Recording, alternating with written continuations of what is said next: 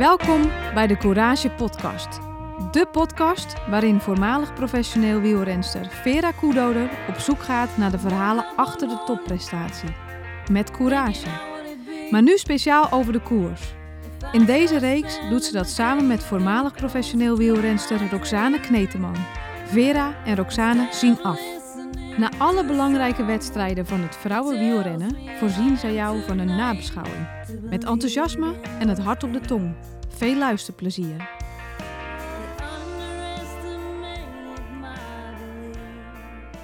Ja, daar zijn we weer. Welkom allemaal bij de Courage Podcast bij Vera en Roxane zien af, nummer 24. De grote WK-voorbeschouwing.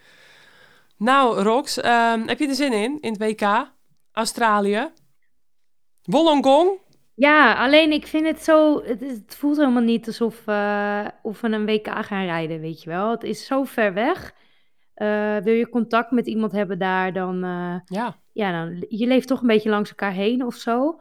Ik weet zeker dat als het eenmaal aan is, dat het een geweldig WK wordt. Ja. De Australiërs kennende. Dus dat- dat gaat een mooie, een mooie week worden. Alleen, eh, het is wel echt ver weg. ja, dat is het zeker, Down Under. Weet je, ehm, jij bent ook wel in Australië geweest volgens mij. En ik ben daar dan voor de baan vooral geweest, voor wereldbekers en WK's. Maar ja, ik denk ook als renster is het echt een bepalende factor. Om daar toch die jetlag goed onder de knie te krijgen. En eh, met, na zo'n vol wielerseizoen. Ik denk dat dat echt wel een, eh, een factortje ook gaat zijn. Niet alleen dus voor ons als wielerliefhebbers, fans, commentatoren. eh, maar ook voor de rensters eh, zelf. Maar ehm, we hebben denk ik heel veel om over te vertellen vandaag. Onder andere gaan we nou, de tijdrit, de mixed relay en de wegwedstrijd uiteraard voorbeschouwen. Maar ook hebben we wat achtergrondfeitjes van onze redactrice ehm, Jana. Dus we hebben ja, leuke achtergrondfeitjes eh, doorgekregen van Jana, die we straks ook gaan delen met eh, de luisteraars. En eh, een heel leuk interview wat ik had met Lucinda Brand gisteren. Dus dat, eh, dat gaan we ook straks beluisteren. En uiteraard de voorspellingen en ehm, genoeg om over te hebben. Maar allereerst wilde ik nog even een rectificatie doen op de vorige uitzending. Nummer 23 was dat, over ehm, de Vuelta. Riese die zei dat in de Tour het van Vleuten, Vollering, Longo, Bugini was. En dat het nu in de Vuelta van Vleuten, Longo en Vollering was. Maar Longo, Bugini... stond in de Tour erop. Ja, Nivea Doma was derde in die Tour. En Ja. Longo Borghini zesde in de Tour. Dus ik zei in de vorige podcast... Nou, het was Van Vleuten en dan Vollering Longo eh, omgedraaid nu met de Tour. Maar goed, dat had ik dus een beetje te veel klakkeloos eh, overgenomen. Goed bedoeld eh, van eh, Ries, maar hij zat er net eventjes naast. Dus ik moet voortaan even... Zo voortaan zelf mijn research doen. Dus voor de Maar oplet... Voor de oplettende luisteraars, dat was inderdaad even een klein foutje met het podium van Tour en Vuelta. Ehm, dan, wat ik heel leuk vond, afgelopen week was de 20e Tourcyclist Feminin Internationaal de Ardèche in Frankrijk. Nou ja, de 20ste keer. Echt een gerenommeerde, zware etappekoers in het vrouwenwielrennen. Een 2.1, dus eh, hoogste categorie eh, UCI etappekoers, of tenminste buiten de World Tour om de hoogste categorie. Eh, zeven etappes maar liefst. Het hele grote talent van de Canyon SRAM opleidingsploeg, Antonia Niedermeyer, die won. En tweede werd Loes Aardegeest, de, ook wel een van de revelaties van eh, dit seizoen. En derde Patinho van Mobistar. Dus dat vind ik wel even een vermelding waard. In zo'n zware etappekoers, zeven dagen, met veel klimwerk in Frankrijk. Echt eh, heel knap van eh, onze Nederlandse Loes Aardegeest. Dus Die naar volgend jaar naar. Ik ja, prachtige overstap. ben wel benieuwd. Ja, ik ook. Ik ook. Ik denk dat ze daar... Want ze is nu natuurlijk... ze, ze rijdt geweldig, absoluut. Eh, ze is wereldkampioen eh, Swift Racing. Dus Ja. eh, daarin laat je wel zien dat je, dat je zeker gewicht en power, die gecombineerd, dat je heel hard kan fietsen. Nou, ze laat nu ook op de weg zien dat ze dus de kracht die ze heeft ook tactisch goed kan indelen. Ja. Alleen bij FTG gaat ze wel in een teamverband moeten rijden. ja, En ik ben wel benieuwd of ja, hoe, ze dat, hoe ze dat gaat doen. Ja. En niet omdat ik denk dat ze het niet kan, eh, maar het is wel anders dan wat ze nu doet. Ja. Nu, nu rijdt ze gewoon voor zichzelf. eh, verwacht ze denk ik ook niet heel veel van haar teamgenoten. Die verwachten niet heel veel van haar. Ja. Alleen als je ziet hoe FTG dit jaar rijdt, eh, kan, je, kan je dat niet gaan doen. Nee, helemaal goed punt. Ja, dat is afwachten. Wel een hele mooie stap. Ja, zeker. Dus eh, nou, dat waren nog even een paar eh, puntjes voordat we echt overgaan naar het WK. Want die beginnen dus zondagochtend met de tijdritten voor de vrouwen en voor de mannen. En eh, de tweede keer is het dat het WK in Australië wordt verreden. We herinneren nog wel 2010 in Geelong, waar Vos eh, nipt geklopt werd door Bronzini. Ehm, En in, in, de weg, in de wegwedstrijd, sorry. En Poelie won daar Ja, de tijdrit, niet? Ja, ja, ja, dat ja denk ik Emma ook. Poelie won daar de tijdrit. Ja. Dus, ehm, en eh, dus voor de tweede keer. Het is ongeveer 80 kilometer eh, ten zuiden van Sydney, Wollongong. En ehm, heel veel tijdrijders die zijn natuurlijk al eh, begin van de week gearriveerd. Omdat het acht uur tijdverschil is, ja, moet dat ook wel. Moet je ook wel echt acht dagen op het liefst van tevoren aanwezig zijn om goed te acclimatiseren. En ja, nou ja, dan heb je dus Sydney, daaronder Wollongong. En dan als je nog meer ten zuiden gaat, kom je op een gegeven moment eh, bij Melbourne. Dus nou ja, als je de kaart een beetje zo hebt, dan is het echt... eh, het is pal aan de kust. Dus de Australische oostkust. Mooie plaatjes zag ik al eh, voorbij komen. Ik had even opgezocht, maar prachtig zo aan, aan zee. Het heeft ongeveer 300.000 inwoners. Dus het is best wel een flinke eh, stad. Terwijl eigenlijk heel weinig mensen ja, van Wollongong afweten. Dus ik denk dat dat ook wel een van Maar de het is natuurlijk eigenlijk gewoon een voorstad van Sydney. Ja, Het is maar drie kwartier rijden tot Sydney. ja, Jij vertelt Melbourne, maar dat is echt wel, Ja, echt dat is helemaal veel verder. Ja. Sydney. ja, Dat is echt... Maar voor de mensen die niet zo'n goed topografisch ja. kaartgeheugen hebben als jij en ik. eh, Melbourne ligt echt wel echt een stuk verder. Ik denk dat Ja. je dan bijna zelf moet gaan vliegen. Ja, ja, ja, ja, dat Eh, wel. Maar Dit is gewoon echt voorstad. Dit is gewoon een soort Zaandam ja, klopt. bij Amsterdam. Zo kun je het zien. Nou, ja, misschien nog wel iets verder weg dan. Eh, maar ehm, nou, het is in ieder geval eh, de oostkust eh, van Australië. En ehm, het heeft zijn naam te danken aan de Aboriginals, de eerste bewoners van het eiland. Dat betekent het geluid van de golven, Wollongong. Wist ik ook niet natuurlijk. Ik had nooit van Wollongong gehoord eh, tot, tot wanneer ze het bekend maakten dat daar het WK zou zijn. En ehm, wat gaan we de komende week zien op de beelden? De witte vuurtoren en de unieke geografie. Prachtige witte stranden, schitterende kustlijn. Ja, ik denk dat het wel echt... eh, ja, het lijkt gewoon heel erg op Sydney. Dus voor iedereen die daar geweest is, eh, dat ga je ongeveer zien. Dus ehm, weet je, weet je wat ik altijd zo jammer vind aan Australië? En, en dan gaat deze topografische eh, uitstapje, denk ik, even gaan we weer door naar de voorbeschouwing. Ja. Maar als je, ook, als je ook gewoon ziet, die stranden waar ze langs fietsen, de rensters en renners, dat is prachtig. Ja. En die foto's ook. En dan, dan bekijk je eigenlijk de, de, de, de stad. Dus eh, hoe zeg je het? Wollongong, hè? Wollongong. Wollongong, ja. Wollongong. Dan is dat echt, dan is dat echt zo'n eh, neerge, echt zo'n gemaakte stad. Echt Ja. rechte wegen Mhm. en van die blokken beton. En eh, het- dat, dat, is, dat is heel, het is natuurlijk een heel jong land. Ja, En eh, wat je natuurlijk in Nederland ziet met die oude gebouwen in heel Europa trouwens, Ja. dat hebben ze daar helemaal niet. Dus het is eigenlijk heel sfeerloos. Als je, zodra je de kust afgaat, is het heel sfeerloos. ja, En dat vind ik eigenlijk in heel Australië wel. Ja. Net of ik in heel Australië ben geweest, maar de plekken waar ik ben geweest, het is heel sfeerloos. ja, En prachtig, prachtig eh, land, maar heel sfeerloos, heel gemaakt. ja. En eh, het toerisme speelt mee in de keuze om circa 20 miljoen euro neer te tellen voor de organisatie. Echt een hoop geld eh, voor zo'n WK. Ze hebben ook een ander doel in de staat eh, New South Wales, waar het zich afspeelt. Ze willen 10 wereldkampioenschappen organiseren in 10 jaar tijd. En binnenkort is er ook een WK cross-country atletiek en een WK zwemmen.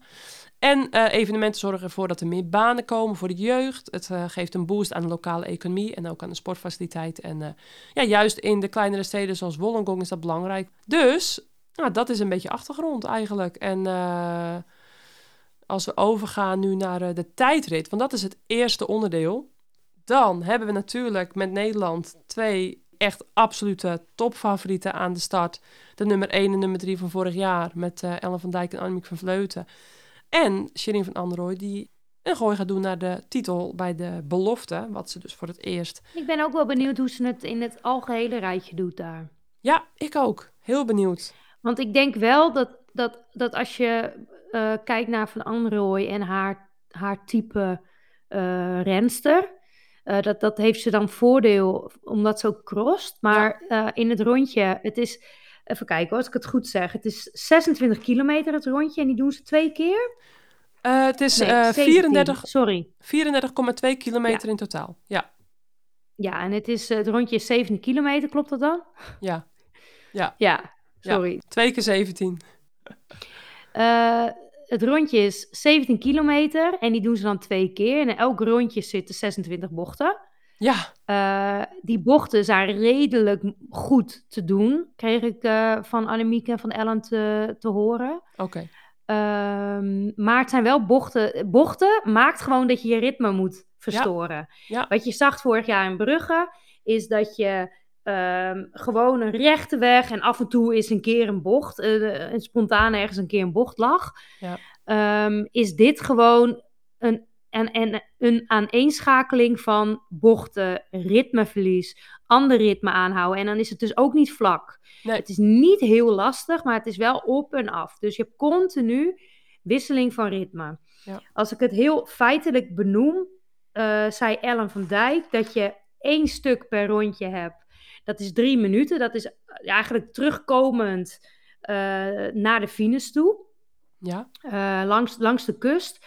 Dat is Ja. drie minuten waar geen bochten zitten. De rest van het rondje is dus elke minuut, anderhalve minuut, 30 seconden, gebeurt er weer wat. No. Dus dat, dat maakt, denk ik, dat het voor Van Androoy een heel interessant parcours kan zijn. Omdat zij Ja. hier best wel aan gewend is door de cross. En klein Eh, en, nu eh, en niet. compact. Klein en nou, compact. ook dat. En ze is handig. Ja. Ze kan goed door die bochten heen. Ja, die vliegt. Eh, en ze is gewend, ja, en ze is gewend die, die tempowisselingen, want dat, dat heb je natuurlijk de hele tijd in een cross. Ja. Nu wil ik niet meteen zeggen dat zij natuurlijk tegen de, nu al tegen de grote motoren als Roycer, Van Dijk, Van Vleuten, eh, nou ja, Brown noemden we net al eventjes in ons, in ons eigen voorgesprekje. Ja. Ehm, dat ze daar meteen tegen iets gaat doen, dat Ja. verwacht ik niet. Maar ik denk wel dat het echt een goed rondje is voor Van Androoy. Ja, zeker weten. En ehm, kijk, wat wel zo is, en dat vind ik dus raar. eh, die meiden die dus onder 23 zijn, die moeten een tijdrit rijden van 34,2 kilometer. Ja. Die, die mannen, die rijden ook 34 kilometer. Voor het eerst in de geschiedenis dat de man en de vrouwen dezelfde afstand rijden. Beetje belachelijk als je het mij vraagt. Doe dan de, de, de, de vrouw... Ja, goed, het zijn twee rondjes. Doe de mannen dan drie rondjes. Maar oké, heel apart. Maar we willen toch ook, we willen toch ook gelijk aan prijzengeld? Ja, nou ja. Waarom kunnen de vrouwen niet hetzelfde aantal kilometers rijden als de mannen Nou, dan? ik denk dat de mannen gewoon zo getraind zijn, die in wegkoersen gewoon het zo gewend zijn. Ik denk dat die makkelijk eh, langer aan kunnen. Die snelheid ligt veel Ze hoger. kunnen wel makkelijker aan. Ze kunnen ook wel makkelijker aan. Ze rijden veel sneller een afstand. Ze rijden veel harder gemiddeld. Ja, maar, maar, maar, maar dan, kijk, dan ga je dus in ene naar eh, eh, 44, zeg ik dat goed? Nee, eh 42 kilometer. Ja, weet ja, je, ze kijk, hebben wel eens ik 50 denk dan kilometer gereden in, op WK's. Ja, maar ja, dan, ik, ik zie niet in, nou ja, ik zie niet in waarom het, ja, het verschil zeg maar tussen man en vrouw, die, die kunnen gewoon dezelfde afstand, toch? Ja, ik bedoel, Ja. voor de mannen zou het misschien wat minder zijn, wat minder lang zijn. En voor de vrouwen is dit juist weer echt een lange tijdrit. Ja, Nou, hè. en dan volgend jaar is het weer een keer anders. En voor de, en voor de belofte vrouwen helemaal. Want eh, helemaal als je Ja, nog een jonge belofte ik. bent. Ik bedoel, ehm, bij de junior vrouwen reizen 14,1 kilometer. Dus stel dat je eerst of Ja, tweede maar ik jaar denk bent. dat ze daar wat aan moeten doen. Nou, dat mag, dat mag Want hoeveel rijden, hoeveel rijden junioren mannen?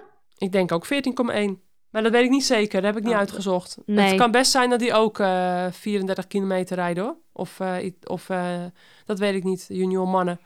Maar Kijk, niet. Nou, Ja. ik vind voor de belofte vrouwen ehm, eigenlijk te lang. Maar goed, het is zoals het is. En ehm, ja, de tijdrit. We hebben, ehm, denk ik, echt wel een hele mooie strijd in het vooruitzicht. Met de Europees kampioene Marlon Reuser. Die ook die bochten denk ik wel heel goed kan. Maar toch de langere rensters zijn een beetje in het nadeel. Denk ik met al die bochten. Ze kunnen allemaal fantastisch sturen. Maar ook ja, zo'n Van Vleuten en Van Anrooy. Die klein en compact zijn. En allebei heel erg technisch onderlegd. Ik denk dat die een heel klein eh, voordeeltje hebben. En ze zijn licht. Dus ze kunnen lekker snel fel aanzetten.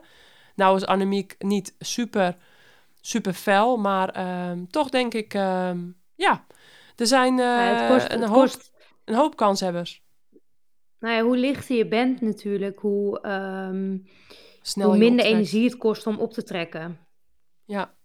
Ja, dus eh, vorig jaar in Leuven een fantastisch parcours voor Ellen van Dijk. Helemaal op het lijf geschreven. En nu eh, gaat het gewoon, denk ik, toch wel echt een spannende strijd worden.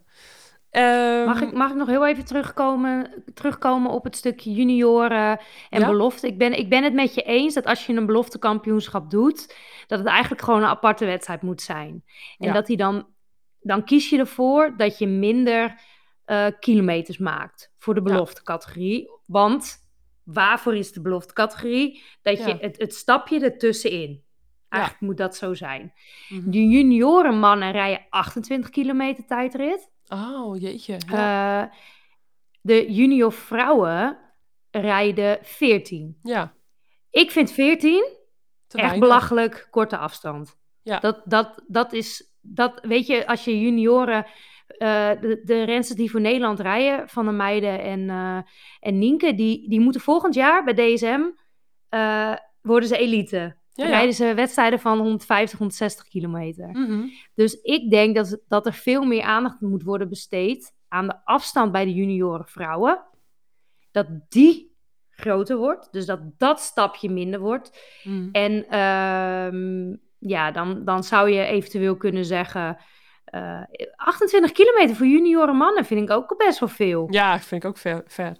Ja, vind ik wel een beetje overdreven. Als je het zo afweegt. Ja. Ik zou 28 kilometer voor onder, voor onder 23 vrouwen ook al best wel veel vinden. Ja, Ik zou zeggen 25, 25 of of zo. Ja, nou, Ja. met elkaar eens. Nou ja, in ieder geval eventjes dat. Maar ik denk, eh, ja, ik, ik, eh, ik snap wat je zei. Voor de mannen is hij eigenlijk heel kort. Maar ik, ik dacht meer van, wat maakt nou uit dat ze evenveel doen als de vrouwen? Want ja, we willen toch gelijkheid en eh toeters en bellen en op de banken, weet je wel. Maar ehm, inderdaad, de mannen doen een beetje kort. Vrouwen doen wel redelijk lang. En voor de om 23 is het echt wel lang. En junior vrouwen doen echt veel te kort. Ja, aparte keuzes in ieder geval. Oké, hoe laat eh, eh, ga jij eh, uitzenden? De, weet je dat uit je hoofd? Ik heb het hier staan. Jij Ja, gaat uitzenden om... half twee. Oh ja, om half twee. Want het is, eh, de, de WK tijdrit is, eh, begint om eh, vijf over half één s'nachts. Tot half vier s'nachts. En dan kunnen mensen dus vanaf half twee jou horen op de NMS. En, ehm, Ja, en live, op zender. op zender. En Ja. voor degenen die de juniorvrouwen willen volgen, Nienke Vinken en Anna van der Meijden, die kunnen dat op Eurosport doen. De WK tijdrijden juniorvrouwen op, op dinsdag. maar dus niet is niet diezelfde de, dag, hè? Nee, Ja. niet dezelfde dag. Dat is de 20ste. Dus de, de, de vrouwentijdrit de 18e. En eh, de 20ste de juniorvrouwen van half twee s'nachts tot half vier s'nachts. Dus dan kunnen jullie mij horen met eh, Tim de Vries op Eurosport. Dus, ehm, dus eh, dat wordt vast leuk. Dan gaan we over naar de Mixed Relay. Ja, dat is een onderdeel waar Lucinda Brandt in het verleden wereldkampioen op is geworden. Ook Europees kampioen. En daar heb ik dus mee gesproken. Dus ehm, goed seizoen gehad. Parijs-Roubaix derde geworden. eh, Ronde van Zwitserland gewonnen. De bergtrui nog in de Ronde van Spanje. Ehm, goed seizoen. Maar rijdt eh, geen WK. Dus ze was nog eh, gewoon lekker in Nederland. En gisteren heb ik met haar gebeld. Dus laten we even naar Lucinda luisteren. Wat zij van het WK denkt. En van haar eigen seizoen. Maar vooral ook van het komende WK. Komt-ie. Nou, eh, welkom Lucinda in de Courage podcast. Leuk. Dankjewel. ja, leuk dat ik bij jullie mag zijn. Ja, nee, we zijn vereerd. Rox, eh, Rox kon nu niet, niks terugzeggen, maar, uh, maar die, die, was ook, uh, die was ook blij dat je even in de Courage podcast uh, wilde inbellen. En ehm, weet je, op de eerste plaats, we gaan het natuurlijk over het WK hebben, de WK-voorbeschouwing. Maar ik ben ook heel benieuwd hoe jij zelf nog even terugkijkt op het afgelopen seizoen. Want die heb je afgesloten natuurlijk afgelopen weekend in Spanje, in de uh, Ceratecite Challenge bij La Vuelta. Waar je de bergtrui won, dus gefeliciteerd ermee. Was wel een leuk opstekertje, denk ik zijn altijd leuke dingen inderdaad. Ja, zeker. En, ja. Uh, ja. ja, nee, absoluut. Ik bedoel, uh, is toch, uh, toch vet. Nee, wat een mooie laatste etappekoers. En ja, de eerste dag na de ploegentijdrit in de kopgroep. En lekker gesprokkeld. En daarna kunnen verdedigen. Dus dat is altijd een leuk tussendoel. En nee, verder was mijn, mijn wegseizoen eigenlijk ook hartstikke goed. Um, begon eigenlijk gewoon zoals gepland al. Ik had uh, echt een doel gemaakt van uh, Roubaix. En uh, de wedstrijden die ik daarvoor reed, dat was ook echt in dienst daarvan. En natuurlijk in dienst van de ploeg. Ja. En nou ja, de Roubaix, dat weet iedereen, dat is eigenlijk heel goed gegaan. Dat is natuurlijk altijd heel fijn als je daar een doel van maakt, dat het dan ook lukt. Ja, derde plek, echt super vet. Ja. Achterlonge Bogini, je ploeggenootje. Ja, daarom. Dus ja, kon niet beter voor de ploeg. En uh, ja, na, de rest uh, was trouwens ook supergoed. Uh, ja, soms zie je dat dan iets minder. Maar dat was ja, echt een top wedstrijd voor de hele ploeg. En ja, nee, de, daarna mocht ik ook, ja, ik eigenlijk ook nog hartstikke goed gereden. een paar mooie koersen in Spanje gereden. En daarna nog begin juni natuurlijk supergoed in Zwitserland gereden. Dat was ook echt onwijs leuk. Het is altijd heel erg leuk dat ik ja, als ik me goed voel, ook de kans krijg binnen onze ploeg om uh, voor mezelf iets te doen. Ja. En uh, ja, dat was eigenlijk ook wel echt op een hele toffe manier natuurlijk.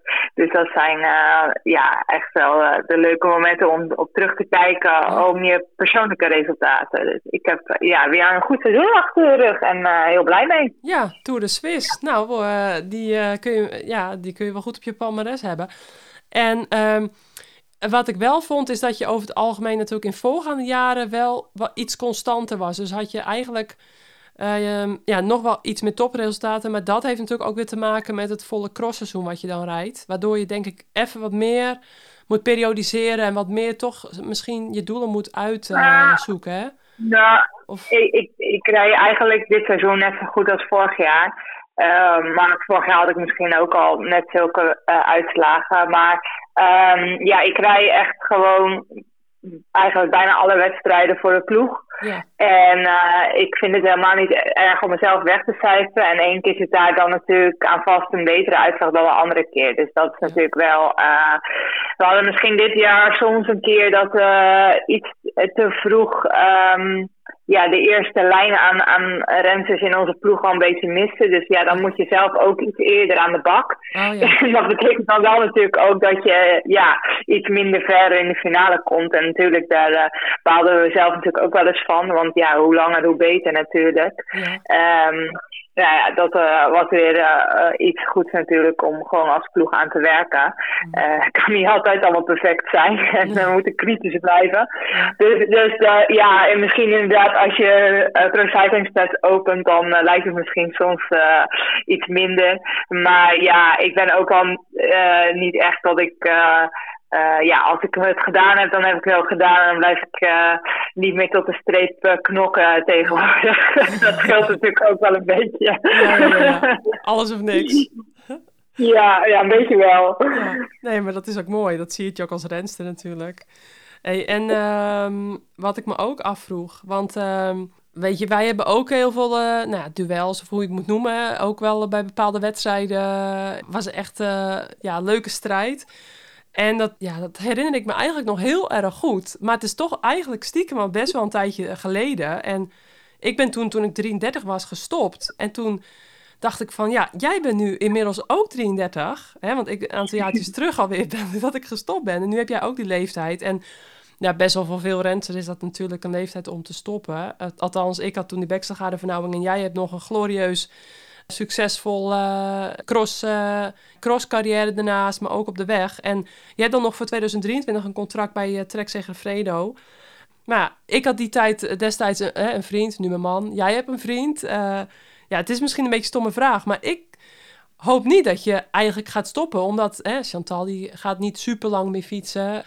Ellen gaat niet super lang meer fietsen. Annemiek stopt. Nou ja, je weet wel, hè, de, ja, gewoon echt jullie, ja, jullie, voor nieuwe generatie. Jullie generatie, ja, ja, een beetje, ja, een beetje deels mijn generatie, maar ja, uh, nou ja, goed. Uh, ja, je snapt wat ik bedoel. Ik ben gewoon wel benieuwd of je daar al een beetje een beeld van hebt. Hè? Dat, dat ik kan me voorstellen dat je het helemaal niet hebt, omdat je natuurlijk super succesvol bent in de cross. Maar uh, misschien nog Olympische Spelen weg. Ploegambitie kan ik me dan voorstellen. Net als uh, Ellen natuurlijk op de tijdrit. Dan dacht ik van nou, de wegwedstrijd uh, in Parijs kan jou misschien ook nog wel heel goed liggen. Ook in de rol van koerskapitein. Of gewoon om zelf misschien succes te boeken. Of een rol te spelen in, in het Nederlandse succes.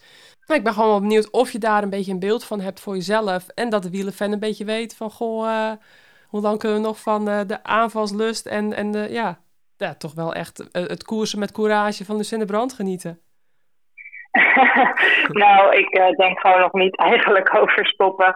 Uh, is natuurlijk wel iets wat soms zelfs, uh, ja, dat je over nadenkt, goh, wat, wat, zou dan een mooi moment zijn of niet. Maar dat weet ik eigenlijk gewoon totaal nog niet. En ik heb nu nog lekker dat contract en ehm, ja. het gaat hartstikke goed. En ik heb wel altijd van Kijk, vroeger had ik nooit gedacht dat ik na mijn dertigste nog koerste. Maar um, ik vind het nog hartstikke leuk. En zoals je zelf al zegt, het gaat ook gewoon nog hartstikke goed. En ik weet in ieder geval één ding van mezelf, dat ik um, vooral um, ja, het heel erg leuk vind om uh, mee te kunnen doen in de koers natuurlijk. Uh, dat zal voor de menige grenzen gelden. Mm. Maar dat is dan voor mij natuurlijk ook wel uh, ja, iets wat heel belangrijk meespeelt van ja, kan ik nog mee in het niveau en kan ik daar nog van toegevoegde waarde zijn. Uh, ja, en weeg dat nog op tegen wat ik uh, voor moet doen. Mm. En dat zal, zal, zeg maar, ja, dat, dat, is misschien iets wat ik je ook op een gegeven moment een beetje jaar bij jaar moet overwegen voor jezelf. Van hé, hey, uh, is dit het nog of niet? Maar um, ja, ik ben natuurlijk gaan, fanatieker gaan crossen. En dat heeft wel een beetje um, ja, nieuw leven in me geblazen, zeg maar. Ja, een beetje nieuw leven ingeblazen. En uh, uh, dat maakt gewoon een superleuk afwisselend iets. Dus mij, van mij ben je voorlopig nog niet af. Nou, dat vind ik echt goed nieuws. Ja, ja, dat vind ik echt goed nieuws hoor. Al, althans, weet je, dat is gewoon toch een vraag die bij, ja, althans bij mezelf. Ja, nee, maar ook, dat is ook heel begrijpelijk. Ja, heel veel rensters boven de 30. Uh, ik weet ook dat heel veel rensters de, de, de 30 een beetje als. Uh, toch een beetje als, als grens stellen vaak. En, hè, als ze begin 20 zijn, dan denken ze ah, vaak, wat ik heb gehoord, nou, ik uh, rijd niet meer uh, na mijn dertigste. Dan wil ik uh, kindjes, dan wil ik dit, dat en niet combineren met fietsen. Maar ja, de tijd vliegt en, en voor je het weet dan dan heb je natuurlijk al een hele carrière achter de rug. Want jij bent gewoon al super lang uh, heel succesvol. En dan kun je het je ook voorstellen dat je het op een gegeven moment wel gezien hebt. Of dat je ja. het niet meer kan opbrengen. Of toch al een beetje begint na te denken van nou ja, een, een, een ja, Olympisch eindstation of een WK ergens. Maar goed om te horen, Lucin, dat we nog voorlopig. Ik vind het altijd leuk om. Uh, ja, om toch die, die meiden waar, waar ik tegen gekoerst heb, uh, om die dan nu nog zo tekeer te zien gaan. Dus uh, duidelijk en, uh, en mooi. En ja, je hebt mooi, hele mooie uitschieters gehad dit seizoen. Je bent van heel grote waarde geweest voor uh, Trek Segafredo. Maar had je zelf het WK willen rijden als het had gemogen? Als, als Loes had gezegd van... je mag mee naar Australië in nou ja, wat voor rol dan ook. Maar het, ik kan me voorstellen dat het natuurlijk wel echt een, een hele hap van je crossvoorbereiding wegneemt. Maar ja, was ook nog iets wat ik me afvroeg. Nee, ik heb echt heel bewust uh, aangegeven dat ik uh, uh, eigenlijk zowel voor het EK als het WK dat ik niet mee wilde. En dat klinkt natuurlijk altijd een beetje gek. Want het is nou, natuurlijk een hele eer om voor je eigen land uit te komen. Maar zoals je inderdaad al zegt, van um, ja, het zit gewoon een beetje in de knel dan bij mijn voorbereiding op de cross. En helemaal als het natuurlijk een WK in Australië is, terwijl je een week later uh, wereldbekers in Amerika hebt. Die ook nog eens een keer bij je hoofdsponsor uh, op, de, op, de, op de vloer zijn, zeg maar. En um, ja, dus dat gaat niet samen. En ik ben ook wel gewoon echt voorstander van het feit dat als je naar een kampioenschap wilt, dat je ook um, er naartoe traint. Of je nou uh, kopvrouw bent of uh, een hele goede knecht of wat dan ook. Uh, vind ik dat je daar je best voor moet doen om daar je, je beste zelf te zijn. Mhm. En dat, dat kon ik niet op die manier inplannen. Nee. En uh, dan is het ook soms gewoon een keer tijd voor nieuwe rensters, voor nieuw talent. En uh, uh, er zijn genoeg rensters in Nederland die onwijs hoog niveau hebben, maar nog nooit een WK hebben gereden. En, en zelf reed ik, denk ik, op wat zal het zijn, mijn 19 of 20ste wel al eerste WK. En dat is gewoon ook heel belangrijk om ervaring op te doen. Dus uh, ja, we hebben natuurlijk zo'n goede generatie gehad, uh, of nog steeds eigenlijk. Maar daardoor is natuurlijk wel ook uh, voor die wat jongere meiden een beetje uh, weggedrukt om die ervaring op te doen als het gaat om kampioenschappen. Dus ik vind het ook wel, wel goed om te zien dat er wat nieuwe namen tussen zitten nu. Ja, zeker. Nee, maar een heel duidelijk antwoord. En uh, ja, ik snap het volkomen. Wij hadden ook vaak met het baanseizoen een beetje dat, ook wel dat dilemma met bepaalde rensters. En dat liep dan ook in elkaar over. En ja, je kan echt maar één ding natuurlijk goed doen. In dit geval met zo'n wereldbeker in Amerika is het al helemaal niet samen te combineren. En als je dan hebt over de nieuwe talenten, wat je net zei. En ja, meiden die ervaring eigenlijk ophoren te doen dan hebben we, nou, jouw naam hebben de luisteraars nu weten nu eh, waarom jij dus niet meedoet. Want heel veel luisteraars weten misschien dat achtergrondverhaal niet. En die denken misschien toch van, goh, waarom uh, staat Lucinda niet aan de, aan de start? Maar bijvoorbeeld ook, nou, Chantal van der Broek-Laak, die had al niet haar beste seizoen. Dus ik kan ook op sportief oogpunt überhaupt begrijpen dat ze er dan dit jaar niet bij is, als, ook als ex-wereldkampioene. Maar wie bestaat er dan ook niet bij?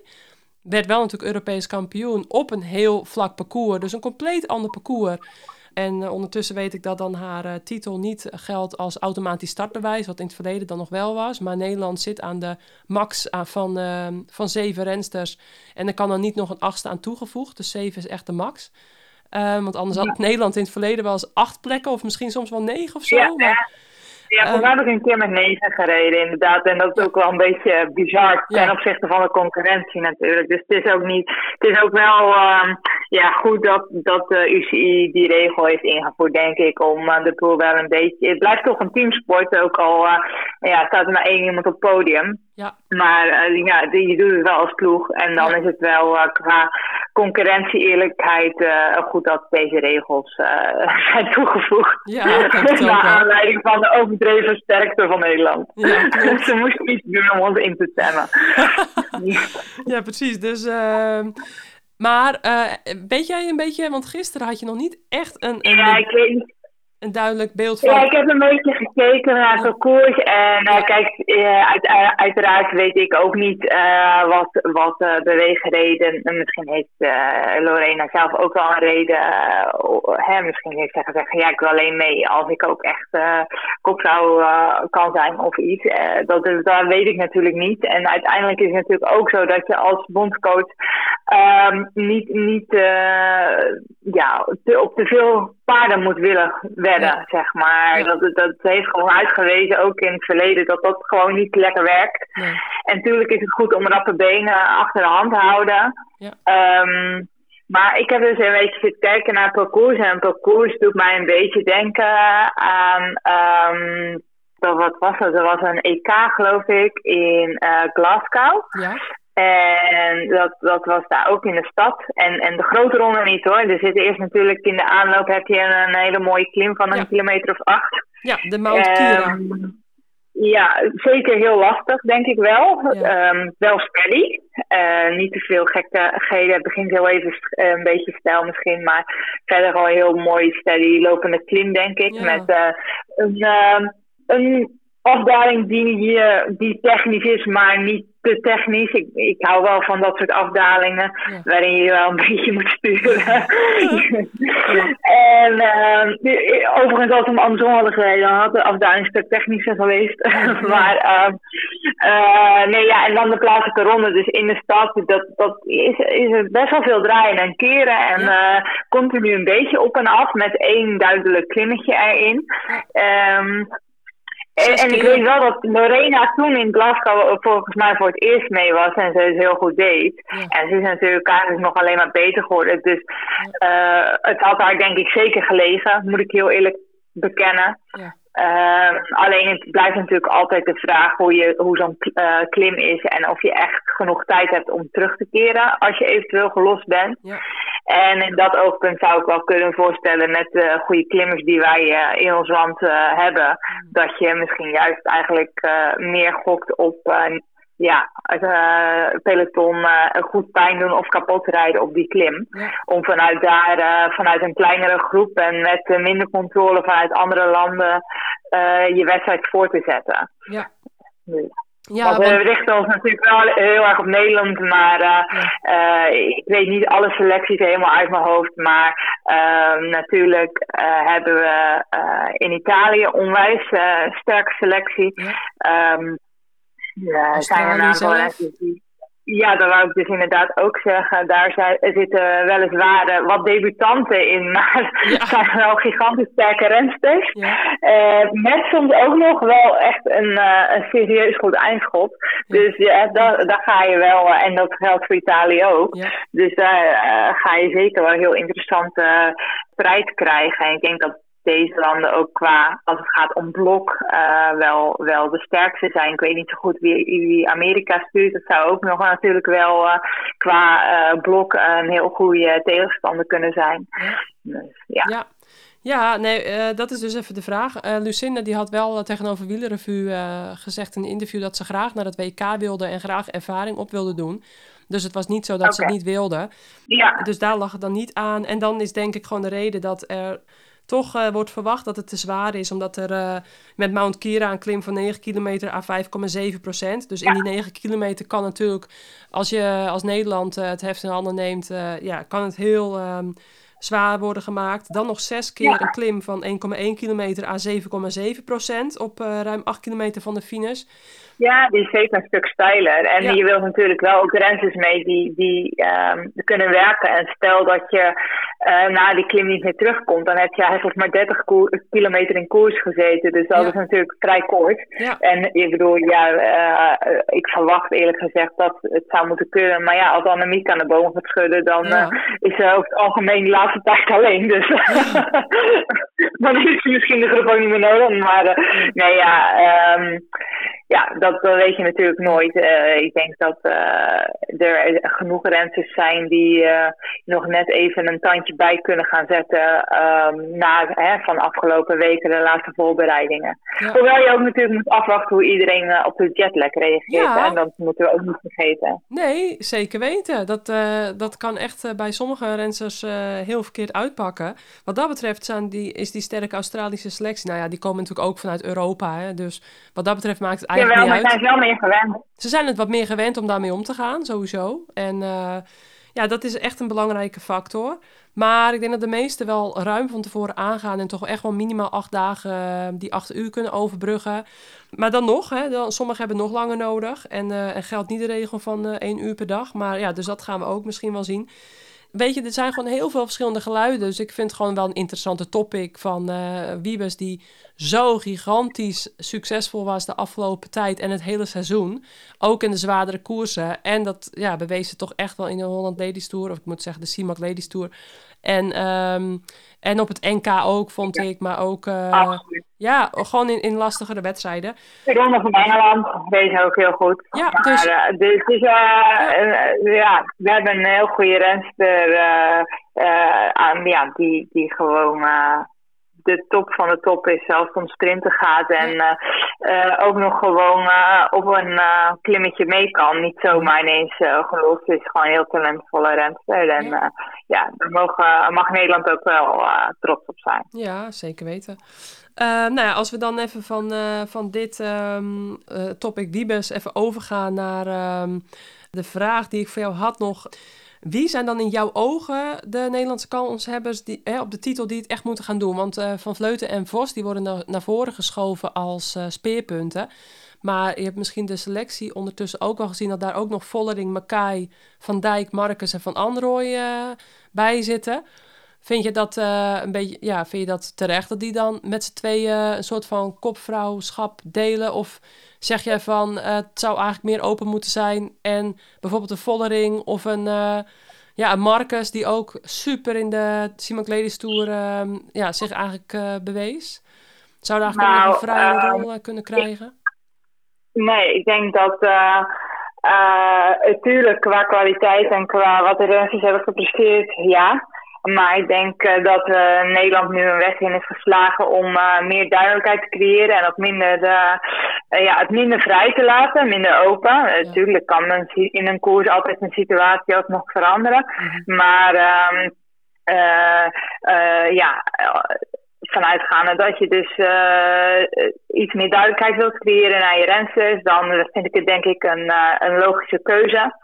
Ja. omdat je dan eigenlijk ja, de beste klimster als kopvrouw hebt. Samen met um, de renster die uh, ondanks een zware wedstrijd uh, over het algemeen de rapste is. Nog uh, vanuit Nederland oogpunt dan natuurlijk. En natuurlijk is een Demi ook heel rap. Mhm. Dus dat zou natuurlijk altijd zo kunnen zijn dat stel het een groepje is en, er wordt daar overlegd of Marjan is er niet meer op zijn voeten.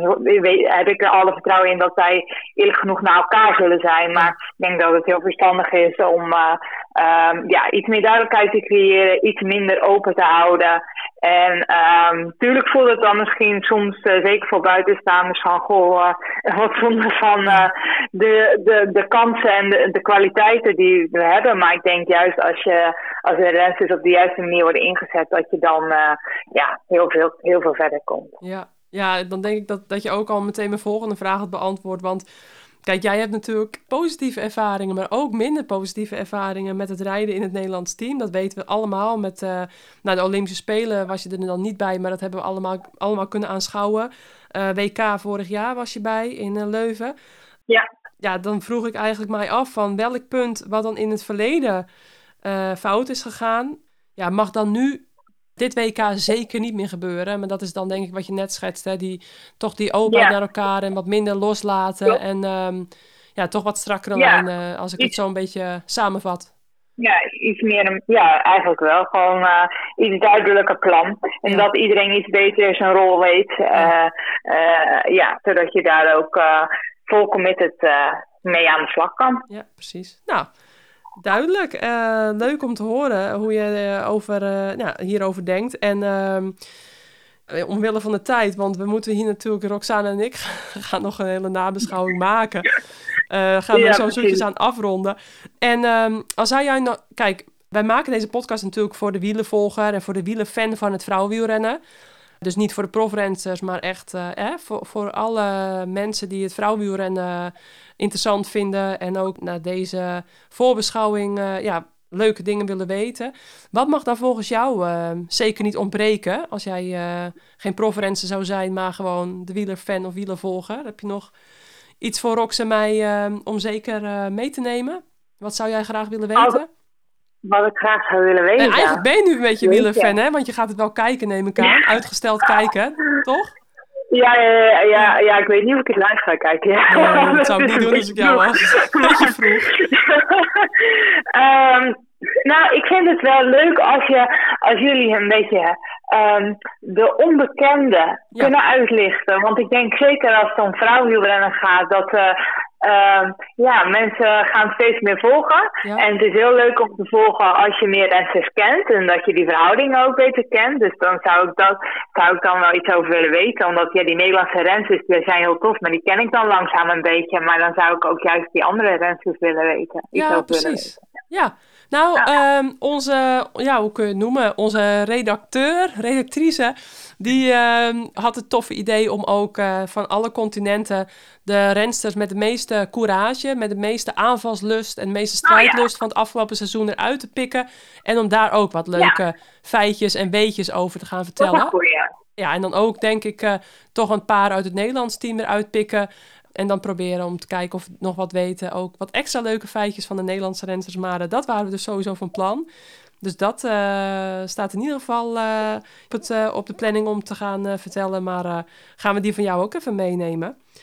Ehm, dus Ja, leuk. Ja, dat komt wel een beetje, het loopt een beetje in elkaar over, dus dat is top. ja, ja, ik denk het ook. Dus ehm superleuk, eh, Lucinda. En ehm, wat zijn jouw volgende eerste crossen? Dus je hebt Amerika met een hele belangrijke... Ja, ja, voor Amerika rijd ik nog eh, twee Belgische crossen, ja? om er even in te komen, zeg maar. Ja. En dan eh, stap ik begin oktober op het vliegtuig naar Amerika. Oh, ja. Twee koersen daar en dan gaan we naar Tsjechië. ja, precies. Dus Lekker stuk programma. ja, ja, en eh, met het WK natuurlijk als eh, hoogtepunt, hè, EK-WK las ik, dat je daar Ja. eh, weer gewoon de grootste doelen van hebt gemaakt, uiteraard. Zeker, zeker. Logisch. Nou, super dat ik je even mocht bellen tussen alle drukte door. En heel veel succes met de Baloise Track Lions. En natuurlijk... Dankjewel. en dan, nou ja, misschien dat we je nog wel een keertje kunnen inbellen. Maar mocht het niet zo gebeuren, dan natuurlijk volgend jaar bij Trek Segafredo bij de meiden. Dus, ehm, nou, eh, misschien eh, dit keer toch, goed, leuk. toch leuk om eventjes een keer de Courage podcast te luisteren. Want aangezien je ook Ja. een renster met veel courage bent. nee, maar heel veel wat wij vertellen, wat Rox en ik vertellen, dat is voor jou gesneden koek. Dus, eh, maar al worden we veel geluisterd uit het profpeloton. Vooral jonge rensters vinden het soms nog wel Ah, ja. interessant en leerzaam. Ja, nee, maar we hoeven jou weinig te vertellen. Maar ehm, nee, dus ehm, Altijd lekker om iets te leren. ja, zeker. Ik kan niet genoeg leren. hey, bedankt. Ik ga je niet langer ophouden. En dan, ehm, ik hoop gewoon binnenkort weer een keertje eh, tot eh, spreeks. Ja, super. Dankjewel. Hartstikke leuk dat ik eh, mijn mening met jullie mocht delen. Ja, En tot de volgende keer. nou dankjewel en tot de volgende. Tot de volgende. Doei doei. Doei, doei. Doei doei. Doei, doei. Ja, Rox. Was even leuk, hè? Even eh, Lucinda over haar gedachten over het WK. En daarin eh wilde ze dus graag wat eh, achtergrondfeitjes en wat leuke weetjes horen. Dus daar eh, is Jana mee aan de slag gegaan. Onze eh manetje van alles, eh, ondersteuning van de podcast en eh, ja, een soort redacteur kunnen we hem wel noemen. Dus dat gaan we straks na de mixed relay en de weg eh voorbeschouwing gaan we die eh, ook aan de luisteraars eh, delen. Dus ehm, dan de mixed relay, het onderdeel wat ik net al zei. Lucinda, kampioen in geweest. En ehm, een nieuw onderdeel wat nog niet zo lang bestaat. Aantal jaren pas. Met z'n zessen, dus drie vrouwen, drie mannen. Eerst eh, de mannen van start. Nou, die komen dan terug. Dan eh, gaan de vrouwen van start.